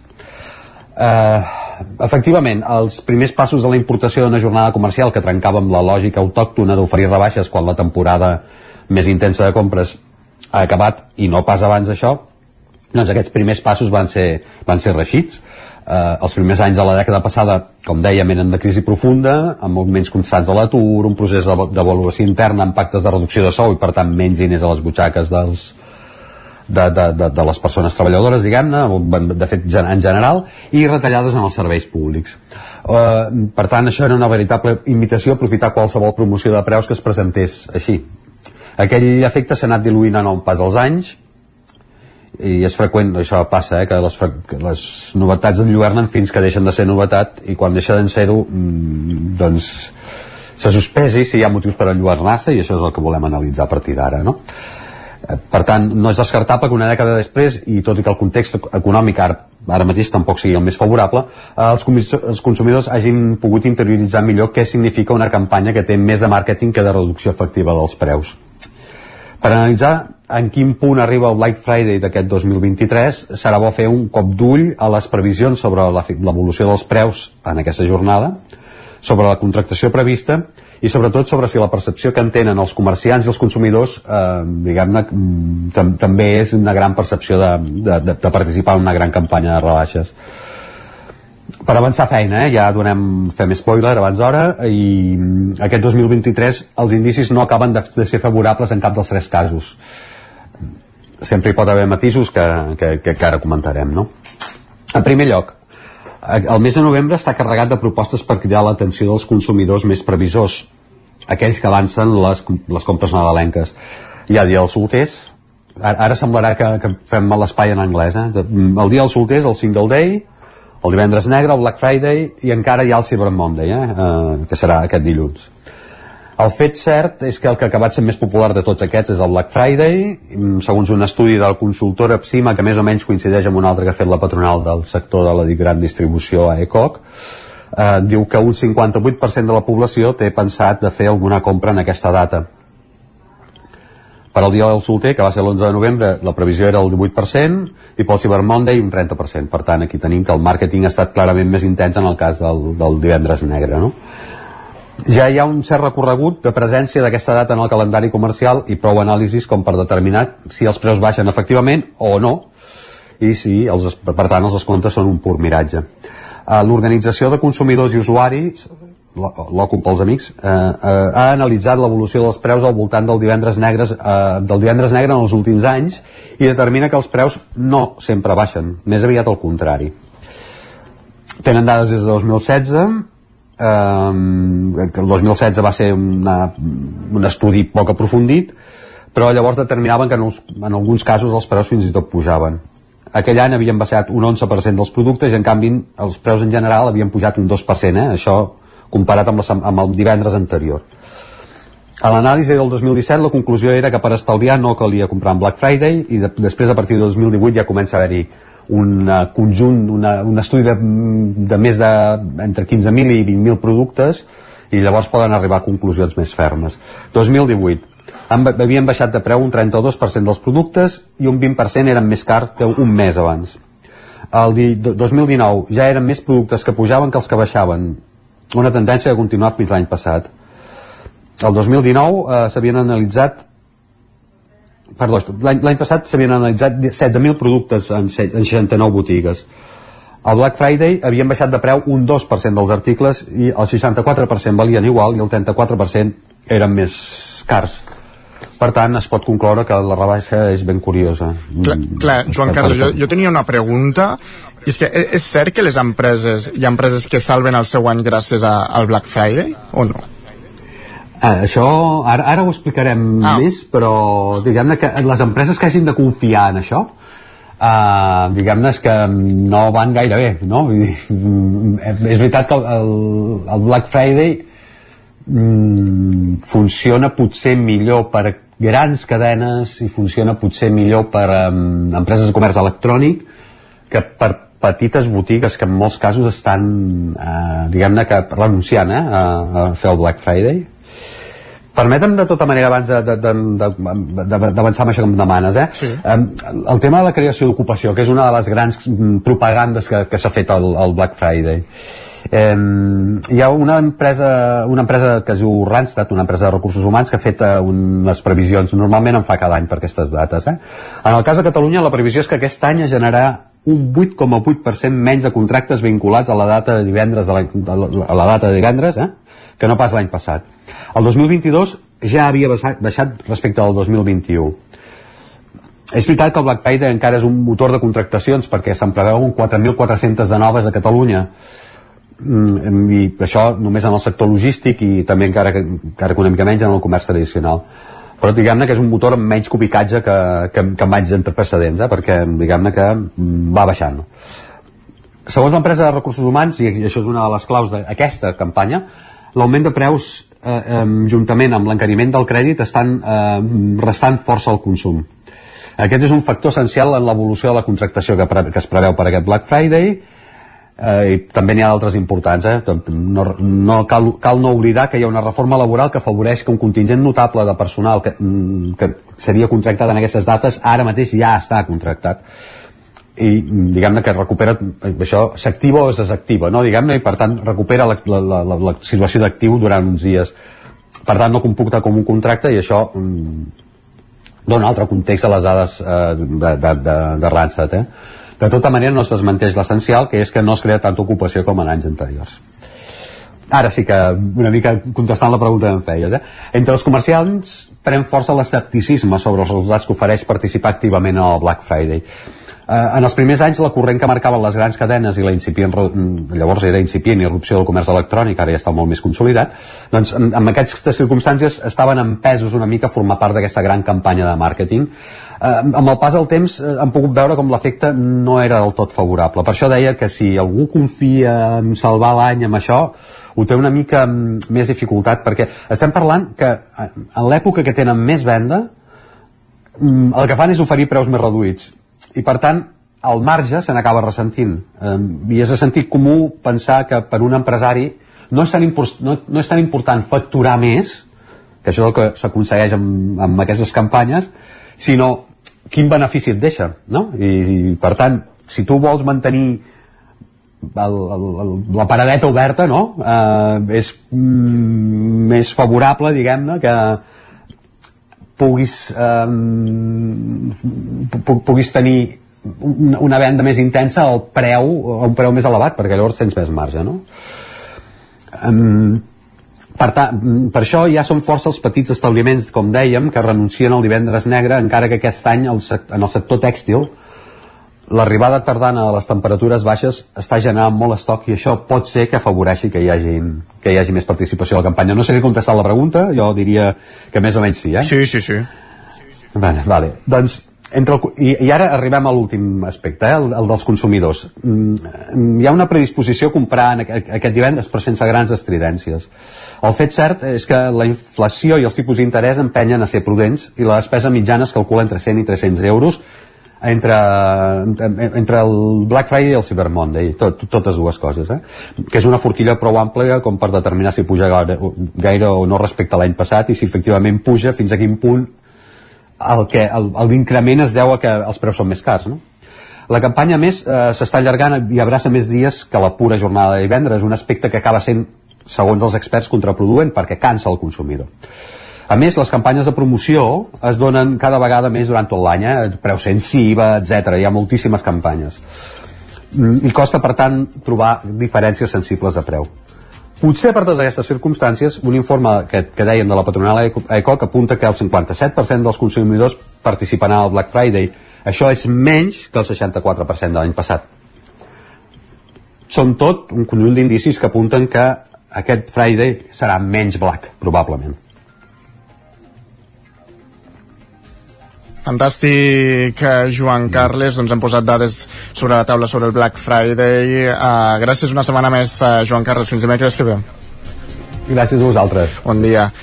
Nosaltres uh, farem una petita pausa de 3 minuts després uh, de parlar sobre economia i després uh, d'aquesta petita pausa Uh, vindrà el Guillem Sánchez aquí a l'estudi de ràdio per portar-nos les piulades més destacades que ha trobat a Twitter i acabarem al Territori 17 amb el podcast del racó de Pensar on Maria Permanyer ens parlarà sobre l'ús de les pantalles i els infants. Tot això serà a la recta final del Territori 17 a partir de dos quarts d'onze. Ara, però, fem una petita pausa de 3 minuts. El nou FM, la ràdio de casa, al 92.8. Situat en un entorn immillorable, envoltat de natura, a l'hostal restaurant La Guineu tenim la brasa encesa tot el dia per esmorzar, dinar o sopar a la fresca. Ja tenim a punt les opcions de menús d'empresa i per les festes de Nadal, Sant Esteve o Cap d'Any. Estem especialitzats en opcions vegetarianes. Hostal La Guineu. Ens trobareu a l'urbanització Les Guilleries de Viladrau. Obrim tots els dies. Vine al Garden Tortadès de Vic i descobreix l'exposició de Nadal més màgica de la comarca. Decoració, ornaments, il·luminació, poncèties, arbres de Nadal i molt més. Inspira't i crea el Nadal dels teus somnis.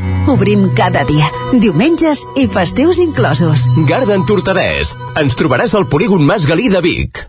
La qualitat de les teves impressions és important per tu? Estàs cansat que els colors i les imatges no surtin com t'esperes? A Impremta Mater disposem de la tecnologia més avançada i els millors professionals per aconseguir impressions d'alta qualitat. Fem tota classe d'impresos amb acabats professionals. Llibres, catàlegs, revistes, tesis, calendaris, enquadernacions... I a més, disposem del servei d'impressió digital en gran format. Roll-ups, lones, pòsters i molt més. Impremta Mater. Ens trobaràs a la carretera de Sant Hipòlit 23 de Vic o impremtamater.com. L'infopodcast del 9-9 amb Sílvia Pedret. Cada dia et donem les claus de les notícies més rellevants de casa nostra. Vivim en una comarca que s'està demostrant pionera en transició. Desperta't cada dia amb l'infopodcast del 9-9. Aquesta setmana tornen a ser notícia els pantans perquè han baixat... El trobaràs a dos quarts de vuit del matí al 99.cat, Spotify, iVox i si ho vols, te l'enviem directament al mòbil. Subscriu-te als canals de WhatsApp i Telegram del 99. Soc Sílvia Pedret. Comencem. T'imagines un programa de política, d'economia, feina... Doncs ja te'n pots oblidar. Quin tinglado! Un programa d'entreteniment, actualitat, cultura i molt rigorós. Amb Bata Serrat, Miquel Giol i Eudal Puig. Un programa que no passarà a la història, i que tampoc guanyarà cap ondes. No ens flipem. Escolta'l cada dijous en directe de 8 a 9 del vespre al 9 FM. Ai, ai, ai, quin tinglado! Cocodril Club. Si t'agrada la bona música dels anys 60, 70 i 80, escolta el 9 FM als matins de dissabtes i diumenges d'11 a 1. És el temps del Cocodril Club, tot un clàssic de la ràdio, amb les bases del pop-rock, les llegendes, les cançons que s'han convertit en autèntics himnes. Recorda, dissabtes i diumenges al matí, d'11 a 1, al 9 FM 92.8. Cocodril Club, el programa revival de l'Albert Malla. Hasta luego, cocodrilo. En punt, ara mateix, dos quarts d'onze, al territori 17.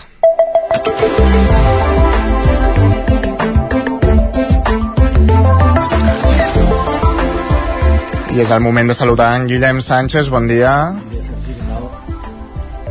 Ah, ara, sí, ara, ara sí, sí que ens sentim, ara, ara sí. sí. Què tal, Sergi? A veure, t'has passat tot el matí a Twitter i ens has recollit aquí una mica de piulades, no? Sí, una miqueta de veure com està l'ambient. Jo crec que començarem el dia una mica millor que l'Anna. T'ho plantejo així. Ens diu, alguna força superior molt potent i tremendament tossuda impedia que pogués desenganxar-me dels llençols. Només ells i jo sabem que ha costat Déu i ajuda. No sé, Sergi, si podria tenir alguna cosa a veure amb l'estrena que hi ha hagut a la televisió aquesta última nit, oi? Sí, amb, Què ha passat? amb, que s'ha estrenat Operació Triunfo i a mi a mi m'ha costat avui sortir del llit, eh? crec que hi ha molta gent, eh? Crec que hi ha molta gent que es deu haver quedat enganxada a la televisió Sí. seguint aquesta, aquesta primera gala. De fet, la Clàudia ens diu ha arribat el moment on tot el meu Twitter i Instagram apareguin coses d'OT. Crec que em borro les aplicacions fins al mes de febrer. Clar, és que amb aquesta època que hi ha Operació Triunfo hi ha la persona que segueix eh, el programa i, bueno, retroalimenta I tot, les xarxes i després hi ha l'altre que bloqueja totes les etiquetes, els noms de... Jo seria del segon cas. jo seria del segon cas. Jo del primer. Vinga. De fet, en aquest sentit, la Martina en reconeix i diu no seria Operació Triunfo si no fos injust. Ha entrat gent que no ha afinat ni una nota i la Lina no. Una merda, em sembla. Bueno, és la primera gala...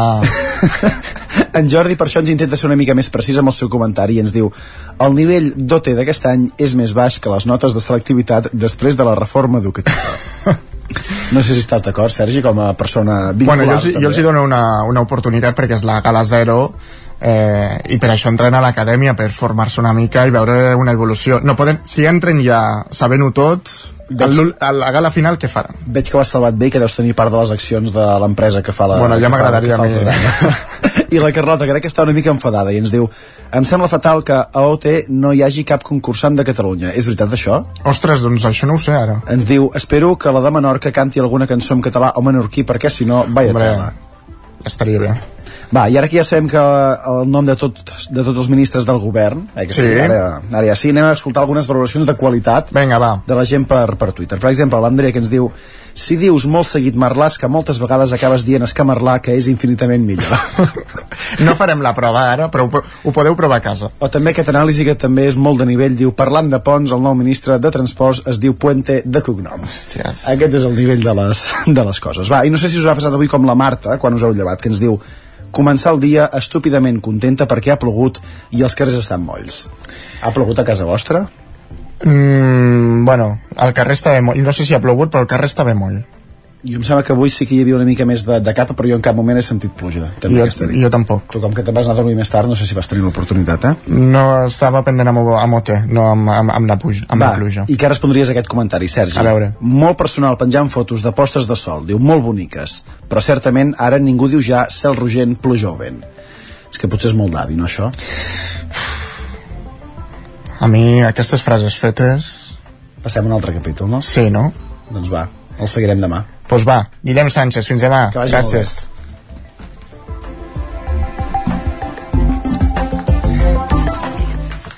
I anem ara al racó de pensar amb Maria Permanyer per parlar sobre l'ús de les pantalles i els infants. El racó de pensar, a Territori 17.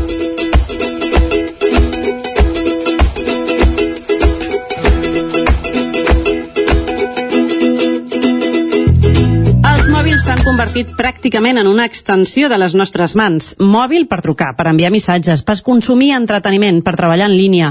El mòbil com a protagonista de pràcticament tot. En l'era digital actual, aquest ús omnipresent dels dispositius mòbils ha aixecat interrogants sobre l'edat idònia per accedir a aquesta tecnologia.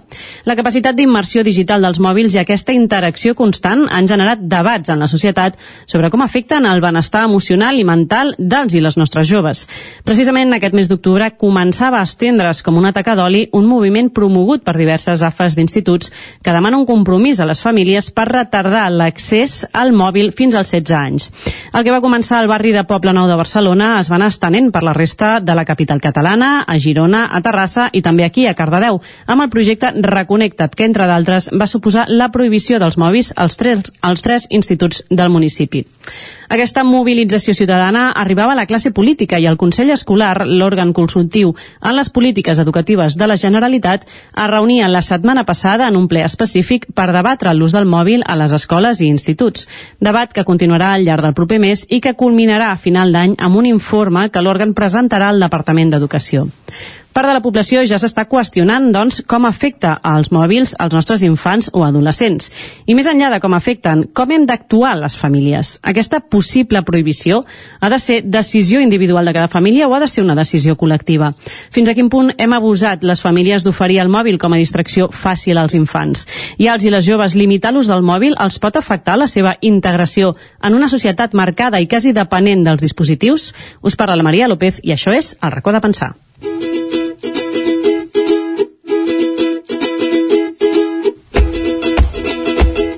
El racó de pensar, des de Ràdio Cardedeu.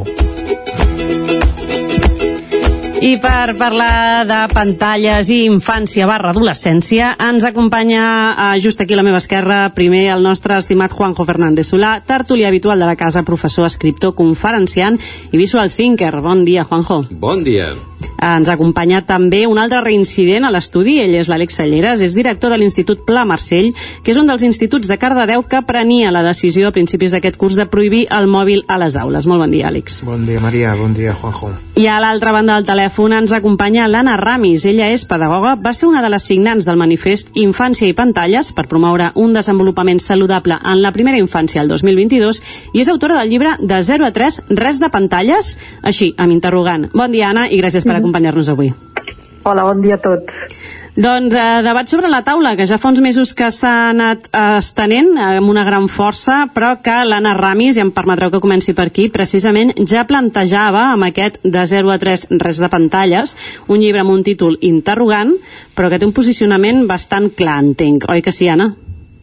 Sí, uh, almenys en la primera infància l'interrogant el deixem obert perquè cada família uh, té unes circumstàncies determinades, però en el llibre el que aportem són elements i criteris perquè es pugui prendre la decisió, es pugui respondre a la pregunta, però com tu deies, els elements, els criteris abans dels 3 anys més aviat estan per no posar pantalles.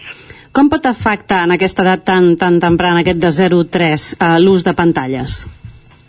Mira, fonamentalment el que més ens fa patir és uh, el que en diem el cost d'oportunitat, és dir, quan una criatura tan petita està davant d'una pantalla, no està fent el que li convé, que és bellugar-se, explorar, escoltar, ser vist, jugar, dormir, és a dir, ha de fer moltíssimes altres coses, per tant, cada minut de pantalla és un minut que es perd de fer coses que són molt interessants i importants de fer abans dels 3 anys, i l'altra cosa que ens preocupa és les pantalles en mans dels adults que tenen cura d'aquests infants i que precisament perquè estan molt capturats per les pantalles fan una atenció molt fragmentada eh, al desenvolupament i a les necessitats d'aquestes criatures.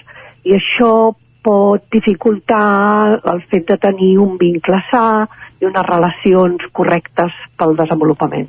Suposo que moltes vegades també potser hi ha gent que t'ha dit, no?, això de, home, que, que, que, fàcil dir, però després acaba caient moltíssima gent, no? O sigui, crec que és d'aquelles coses que hi ha molta intencionalitat abans de ser mares o pares, el mai faré això, i després ja Mm-hmm. és com massa fàcil, no?, acabar deixant-li el mòbil a una criatura perquè es distregui una estona i tu puguis fer, te, tenir temps per fer X.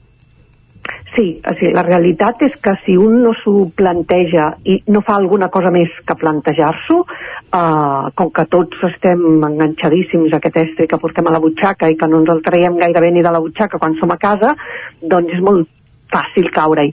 Per tant, l'acció educativa, l'acció parental avui de pares i mares ha de ser més conscient que mai i des dels primers moments, eh, quan s'està posant la criatura al pit, quan, quan estem els primers dies, les primeres setmanes amb la criatura a casa, hem de començar a fer aquesta militància i aquesta deshabituació dels adults per no encendre pantalles davant de la criatura. Penseu que a partir dels 3 mesos, una criatura que portes eh, eh, agafada al coll o amb, amb motxileta aquí davant, eh, quan passa per davant d'una pantalla ja es gira capturada per la llum d'aquesta pantalla. Per tant, això implica fer una acció molt conscient del que posem a casa o no. Com que la primera criatura que arriba a una família avui en dia realment eh, és molt desitjada, gairebé sempre, i, i es preparen moltes coses i es té molt en compte doncs, com l'alimentarem i com dormirà, etc etc. doncs hi hem de sumar també aquesta atenció a com gestionarem les nostres pantalles per no entorpir el seu desenvolupament. Uh -huh. Si amb un, dos, tres anys estem així, com deia l'Anna, que ja que, que està brillant tu quasi que, que atrau, què no passa després, Àlex, quan arriba l'adolescència, no? És quasi que s'ha acabat creant una, una dependència a, com a director de centre i com a pare, també. Uh, quina va ser l'alarma que us va portar a mobilitzar-vos als centres de Cardedeu per prendre aquestes decisions de prohibir els mòbils a les aules? La, la primera alerta es va encendre quan vam constatar que el temps d'esbarjo, que el temps de relació era conquerit per les pantalles i que tot allò que abans havia passat al pati no? córrer, jugar amb la pilota, conversar, barallar-se, anar a fer cua a la cantina, era substituït per córrer, anem a buscar un lloc per seure i, i a veure què passa en el mòbil. Uh, si feia fred, perquè feia fred, si feia calor, perquè feia calor, no? I, i a poc a poc el mòbil havia anat conquerint aquests espais de lleure, d'esbarjo, de jugar, de, de no jugar, d'avorrir-se, uh, i, cada cop veiem més cercles al pati al voltant d'una, de dues, de deu pantalles no? i aquesta va ser la primera alerta de fet ha estat la gran alerta uh -huh. no? nosaltres quan vam començar a, a regular de manera més estricta l'ús del mòbil eh, sobretot primer en els espais aquests pues, de, de pati i de passadissos era, era alertats i, i preocupats per aquesta qüestió no? Uh, també veiem que en determinats moments a les aules se'n feia un abús no? uh, sobretot quan el profe no estava o estava, sortia o quan hi havia un treball més autònom però sobretot el que ens preocupava era com uh, la, la pantalla havia mediatitzat la relació entre el nostre alumnat també entre, entre docents a la sala profes com comença això per part vostra el dir això o, o com, ens anem directament a l'extrem de, de prohibir us va plantejar en algun moment fer un pas intermig? va haver-hi un pas va haver un pas intermig uh, nosaltres sempre hem estat un centre molt pro, pro tecnologia eh? vull dir que en aquest sentit uh, uh, des dels inicis que ja teníem ordinadors uh, personal, no? portàtils a les aules no teníem aula d'informàtica i quan va començar a extendre's l'ús de, de, de telèfons mòbils vam, vam creure que era una manera d'acompanyar eh, els joves a, a la incorporació de bons usos no? d'aquests aparells. De fet, jo crec que hi ha alguna notícia a Ràdio Televisió de Cardedeu en aquest sentit i, i parlàvem d'una regulació proactiva on es, amb cartelleria on en aquesta zona pots agafar-lo com Exacte, vulguis, no? aquesta zona... Així. Però això, se'ns, això vam veure que la inversió que fèiem d'esforços de professorat de mantenir aquella regulació i el benefici que en treien eh, no, no compensava, no? dedicàvem molta energia eh, molt poc benefici. Eh, realment el modelat que preteníem fer des de, des de l'escola no s'acabava produint. I no només això, sinó que a més a més, en aquesta inversió que fèiem, en, aquest, no? en aquesta despesa energètica, també veiem com a despesa el fet de que ells eh, incorporaven rutines amb els usos eh, de consum amb les pantalles que d'alguna manera eren validades per l'escola uh mhm. -huh. no? i va ser una miqueta doncs eh, finals de finals d'any de, de, del 2022 inicis del 23 que vam repensar una miqueta la, la regulació. Primer fent-la més estricta, no? Hem dit que els passadissos no, doncs els passadissos no. Però clar, això ens convertia directament en, en policies del mòbil, cosa que no, que no volíem. I aquest, aquest setembre eh, també amb el suport aquest de, social, eh, d'aquestes xarxes famílies. municipals que han anat apareixent, no? una miqueta vam, vam declarar l'escola lliure de mòbils, no tant eh, prohibir el mòbil a l'escola, sinó declarem aquest espai lliure lliure de pantalles mm. no? per tant l'alumnat, algun alumnat sobretot de quart, ho va viure com un pas radical no, no s'ha avisat d'això uh, però sí que és veritat que el curs passat ja vam començar aquest intent de, de regulació estricta que, que no ens en van sortir no? i que costava massa i que ens, ens enfadàvem amb l'alumnat eh, doncs això, aquest ha estat una miqueta la seqüència d'esdeveniments. El, el camí, no? Està clar que és un, un tema que les famílies cada vegada els hi ha anat preocupant més de manera creixent. De fet, Juanjo, tu que et dediques, entre d'altres, a fer conferències eh, adreçades a, a famílies, eh, dintre d'aquestes que fas habitualment a les escoles hi ha una que es titula Viure i sobreviure a les pantalles en famílies. És una preocupació que està a l'ordre del dia.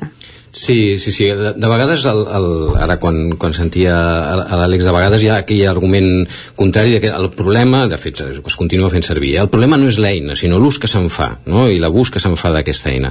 Però al final resulta que eh, al vell mig del ciberbullying, de l'accés descontrolat al porno, de l'addicció al joc online, de l'addicció a videojocs, de la manca d'hores de son, dels reptes virals autolesius, dels trastorns de comportament alimentari. Allà al vell mig de, del, del remolí sempre hi ha el mateix kraken, que, que és el mòbil.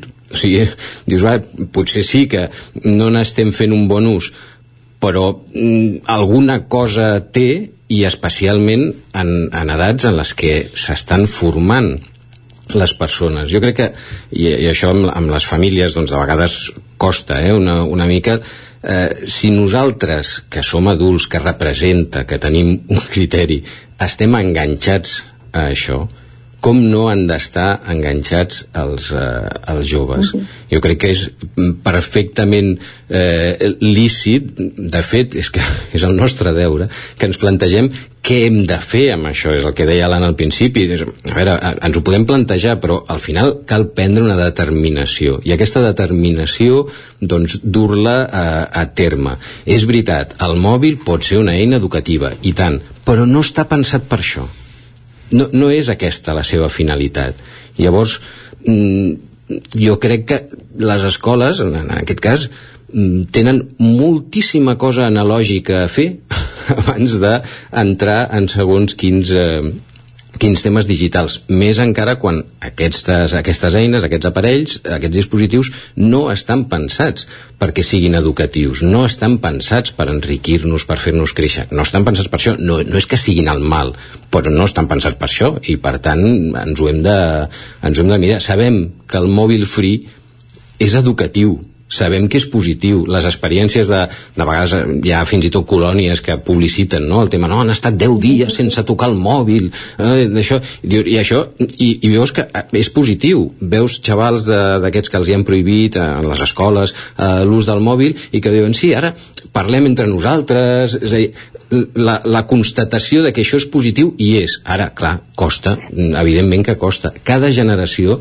ens hem trobat també amb dilemes d'aquests, no tan greus eh, com, el del, com el del mòbil, les pantalles, però la, la meva, que ja tinc una edat, però recordo que en aquest cas era si deixaves o no deixaves que els teus fills dissabte al matí es llevessin quan volguessin i engeguessin la tele o posessin el vídeo i es posessin el que volguessin.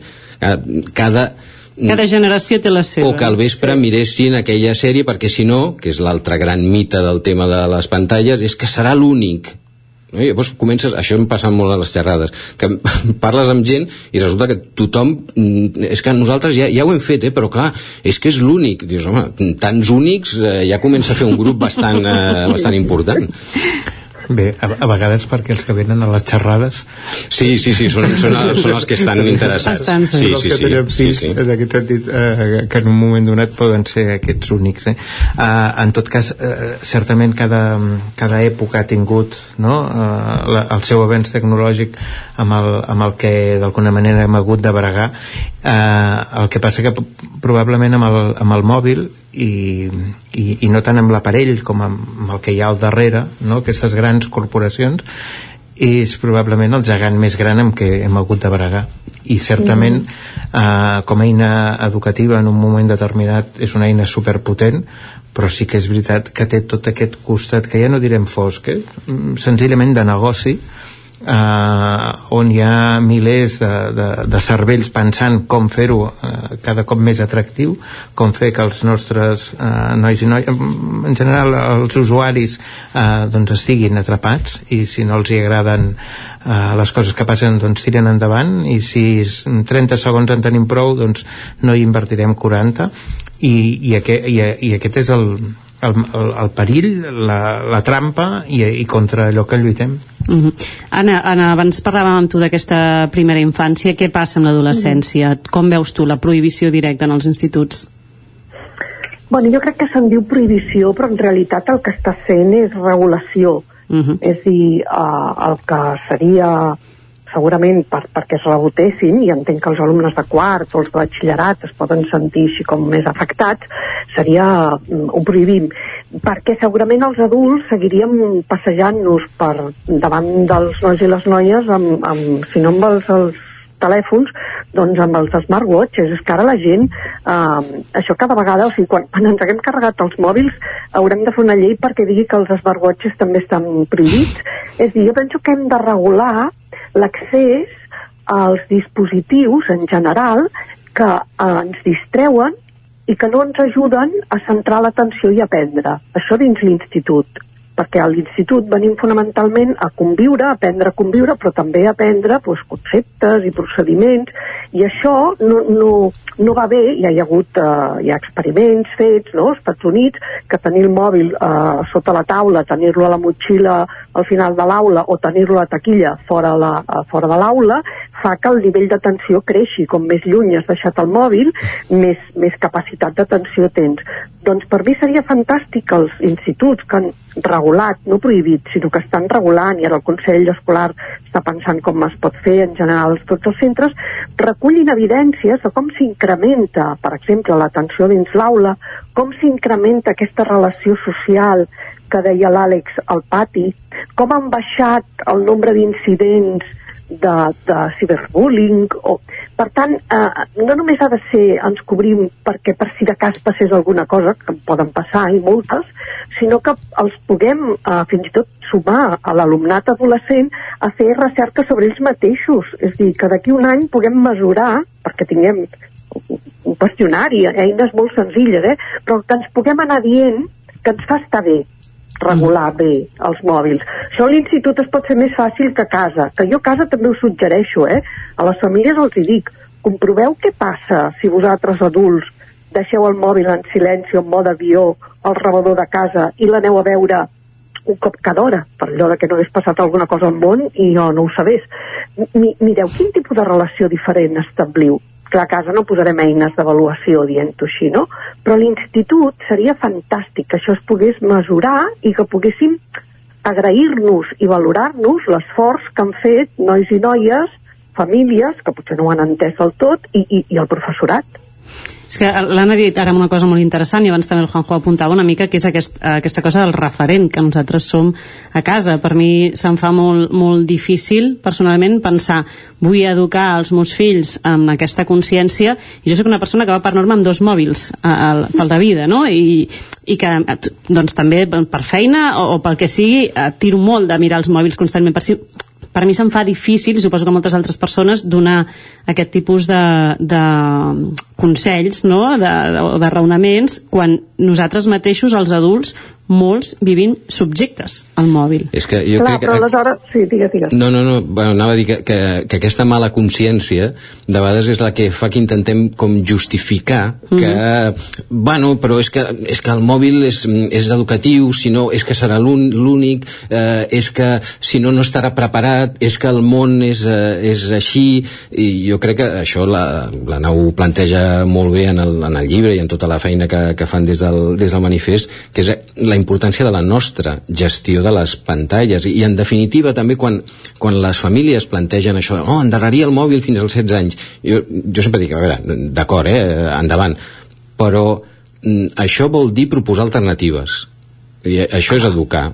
No, o sigui, dius, o sigui, que estigui prohibit com eh, de vegades s'utilitza l'analogia del tabac no? Com, no, oi que no poden comprar tabac eh, d'això, doncs que no puguin accedir al mòbil. Dius, mm, d'acord eh, però llavors tu has de proposar és com quan de vegades es parlava de no, eliminar els deures. Dius, mm, bé, però si no estan fent els deures se suposa que és perquè estaran fent activitats enriquidores, que estaran fent eh, alguna cosa en família, no? que estaràs proposant, eh, que estaràs vivint, convivint amb la, amb la teva família, amb els teus, eh, amb els teus fills. Eh, és que si no, em recordo una mica allò de, de Footloose, eh, pel·lícula vuitantera, que, que prohibeixen, en, en un poble prohibeixen la música i el ball perquè cinc xavals sortint d'una festa tenen un accident i es maten en cotxe. Llavors diuen, pues allò, muerto el perro se acabó la ràbia, no? Mhm. Doncs ningú balla, ningú canta, no hi ha festes, dius, eh, no sé ben bé si, eh, si, és, eh, si és això, eh? Jo, eh, sobre la, no és per, per, sobre la consciència d'aquesta de, de la nostra dependència del mòbil, jo avui pensava, sabeu que amb el tema del wifi, si és perjudicial, no és perjudicial, bueno, hi ha molta controvèrsia amb això, eh? però si descobríssim, si ara descobríssim que de veritat, de veritat, el wifi mata, Mm, com, com el canvi climàtic, eh? Jo, no, no, el wifi mata, i, i si continuem utilitzant-lo tal com d'allò, doncs d'aquí a, a 5 anys morirem tots, se'ns podreix el cervell i morirem. Creieu que deixaríem els mòbils o que començaria a haver-hi moratòries? Moratòries. com, com el canvi climàtic. Exacte. Per això, per això, Igual. per això que, que hauríem de ser conscients eh, d'aquesta dependència nostra de, de, dels mòbils, que ha de ser complicat també per xavals dir, no, no, no, tu fins als 16 no el toquis, eh? I el papa Sí, està ja enganxat. Anna, anaves a comentar també alguna cosa respecte a, la, a aquest exemple que dèiem dels adults, no? Exacte, o sigui, el- els adults, com tu explicaves en el teu cas, hauríem de poder verbalitzar des de que els nostres fills són molt petits que fem servir els dispositius digitals, i, i dic dispositius perquè no només em centro en el mòbil, que fem servir els dispositius digitals eh, per a usos diversos i que en alguns ells s'hi poden sumar controladament i en alguns no és pertinent. Per exemple, treballo i necessito el mòbil perquè en aquest moment, en aquí hi trobo una eina per seguir treballant. Mm, No puc parlar amb vosaltres, d'aquí una hora estaré amb vosaltres. Avui em sap greu, no superem junts, eh, he de seguir treballant. Però llavors anomenes treball i el dispositiu. Però també els fem servir per distreure'ns, també els fem servir per gestionar el nostre dia a dia, des de connectar la màquina que ens escombra fins a baixar la persiana o controlar el que ens ha de portar la, la, la compra que hem fet a la botiga, i, i això també s'ha de poder dir. Mira, i ara estic rient. Mira, jo també estic amb unes xarxes i m'han enviat això, quin tip de riure. I això ho comparteixo amb els fills, perquè el dia que ells vulguin obrir-se un compte, no sé on, i que sigui també per passar el temps, per riure, per buscar receptes, o per fer ioga a casa, o per les mil i una coses que es poden fer, hem de compartir aquests usos que són compartibles, i això educa perquè educar no és dir no em veuràs cap fins que en tinguis 16 és que en la tablet o en els dispositius que tenim a casa, l'ordinador, el que sigui, dels pares, començarem a fer usos conjunts, usos positius, crearem la felicitació de Nadal entre tots perquè ens gravarem ballant no sé què, o farem buscarem quins altres amos de gossos de la raça del nostre ja pel nostre comarca o pel nostre barri per fer una trobada. Jo què sé, és que es poden fer tantes coses fantàstiques que el que no podem fer és assimilar dispositius digitals de, uf, cosa dolenta, que per favor no hi que sigui més ben gran. Doncs eh, amb aquestes eh, paraules de l'Anna, amb aquests eh, consells, d'alguna manera, que jo me n'he apuntat algun eh, per Nadal, precisament, arribem al eh, final del racó de pensar d'avui. Moltíssimes gràcies, Anna, des de l'altra banda del telèfon. Moltes gràcies, Àlex, i moltes gràcies, Juanjo, els meus reincidents. I gràcies per acompanyar-nos a tots a una tertúlia més aquí, al racó de pensar, aquest cop sobre l'ús de les pantalles.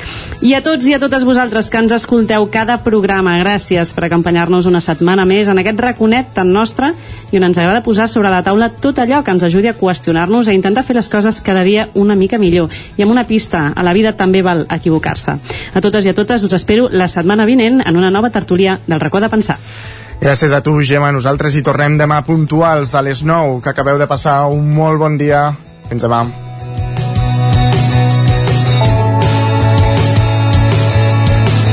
Territori 17, un magazín del nou FM, Ona Codinenca, Ràdio Cardedeu, Ràdio Vic i La Veu de Sant Joan, amb el suport de la xarxa.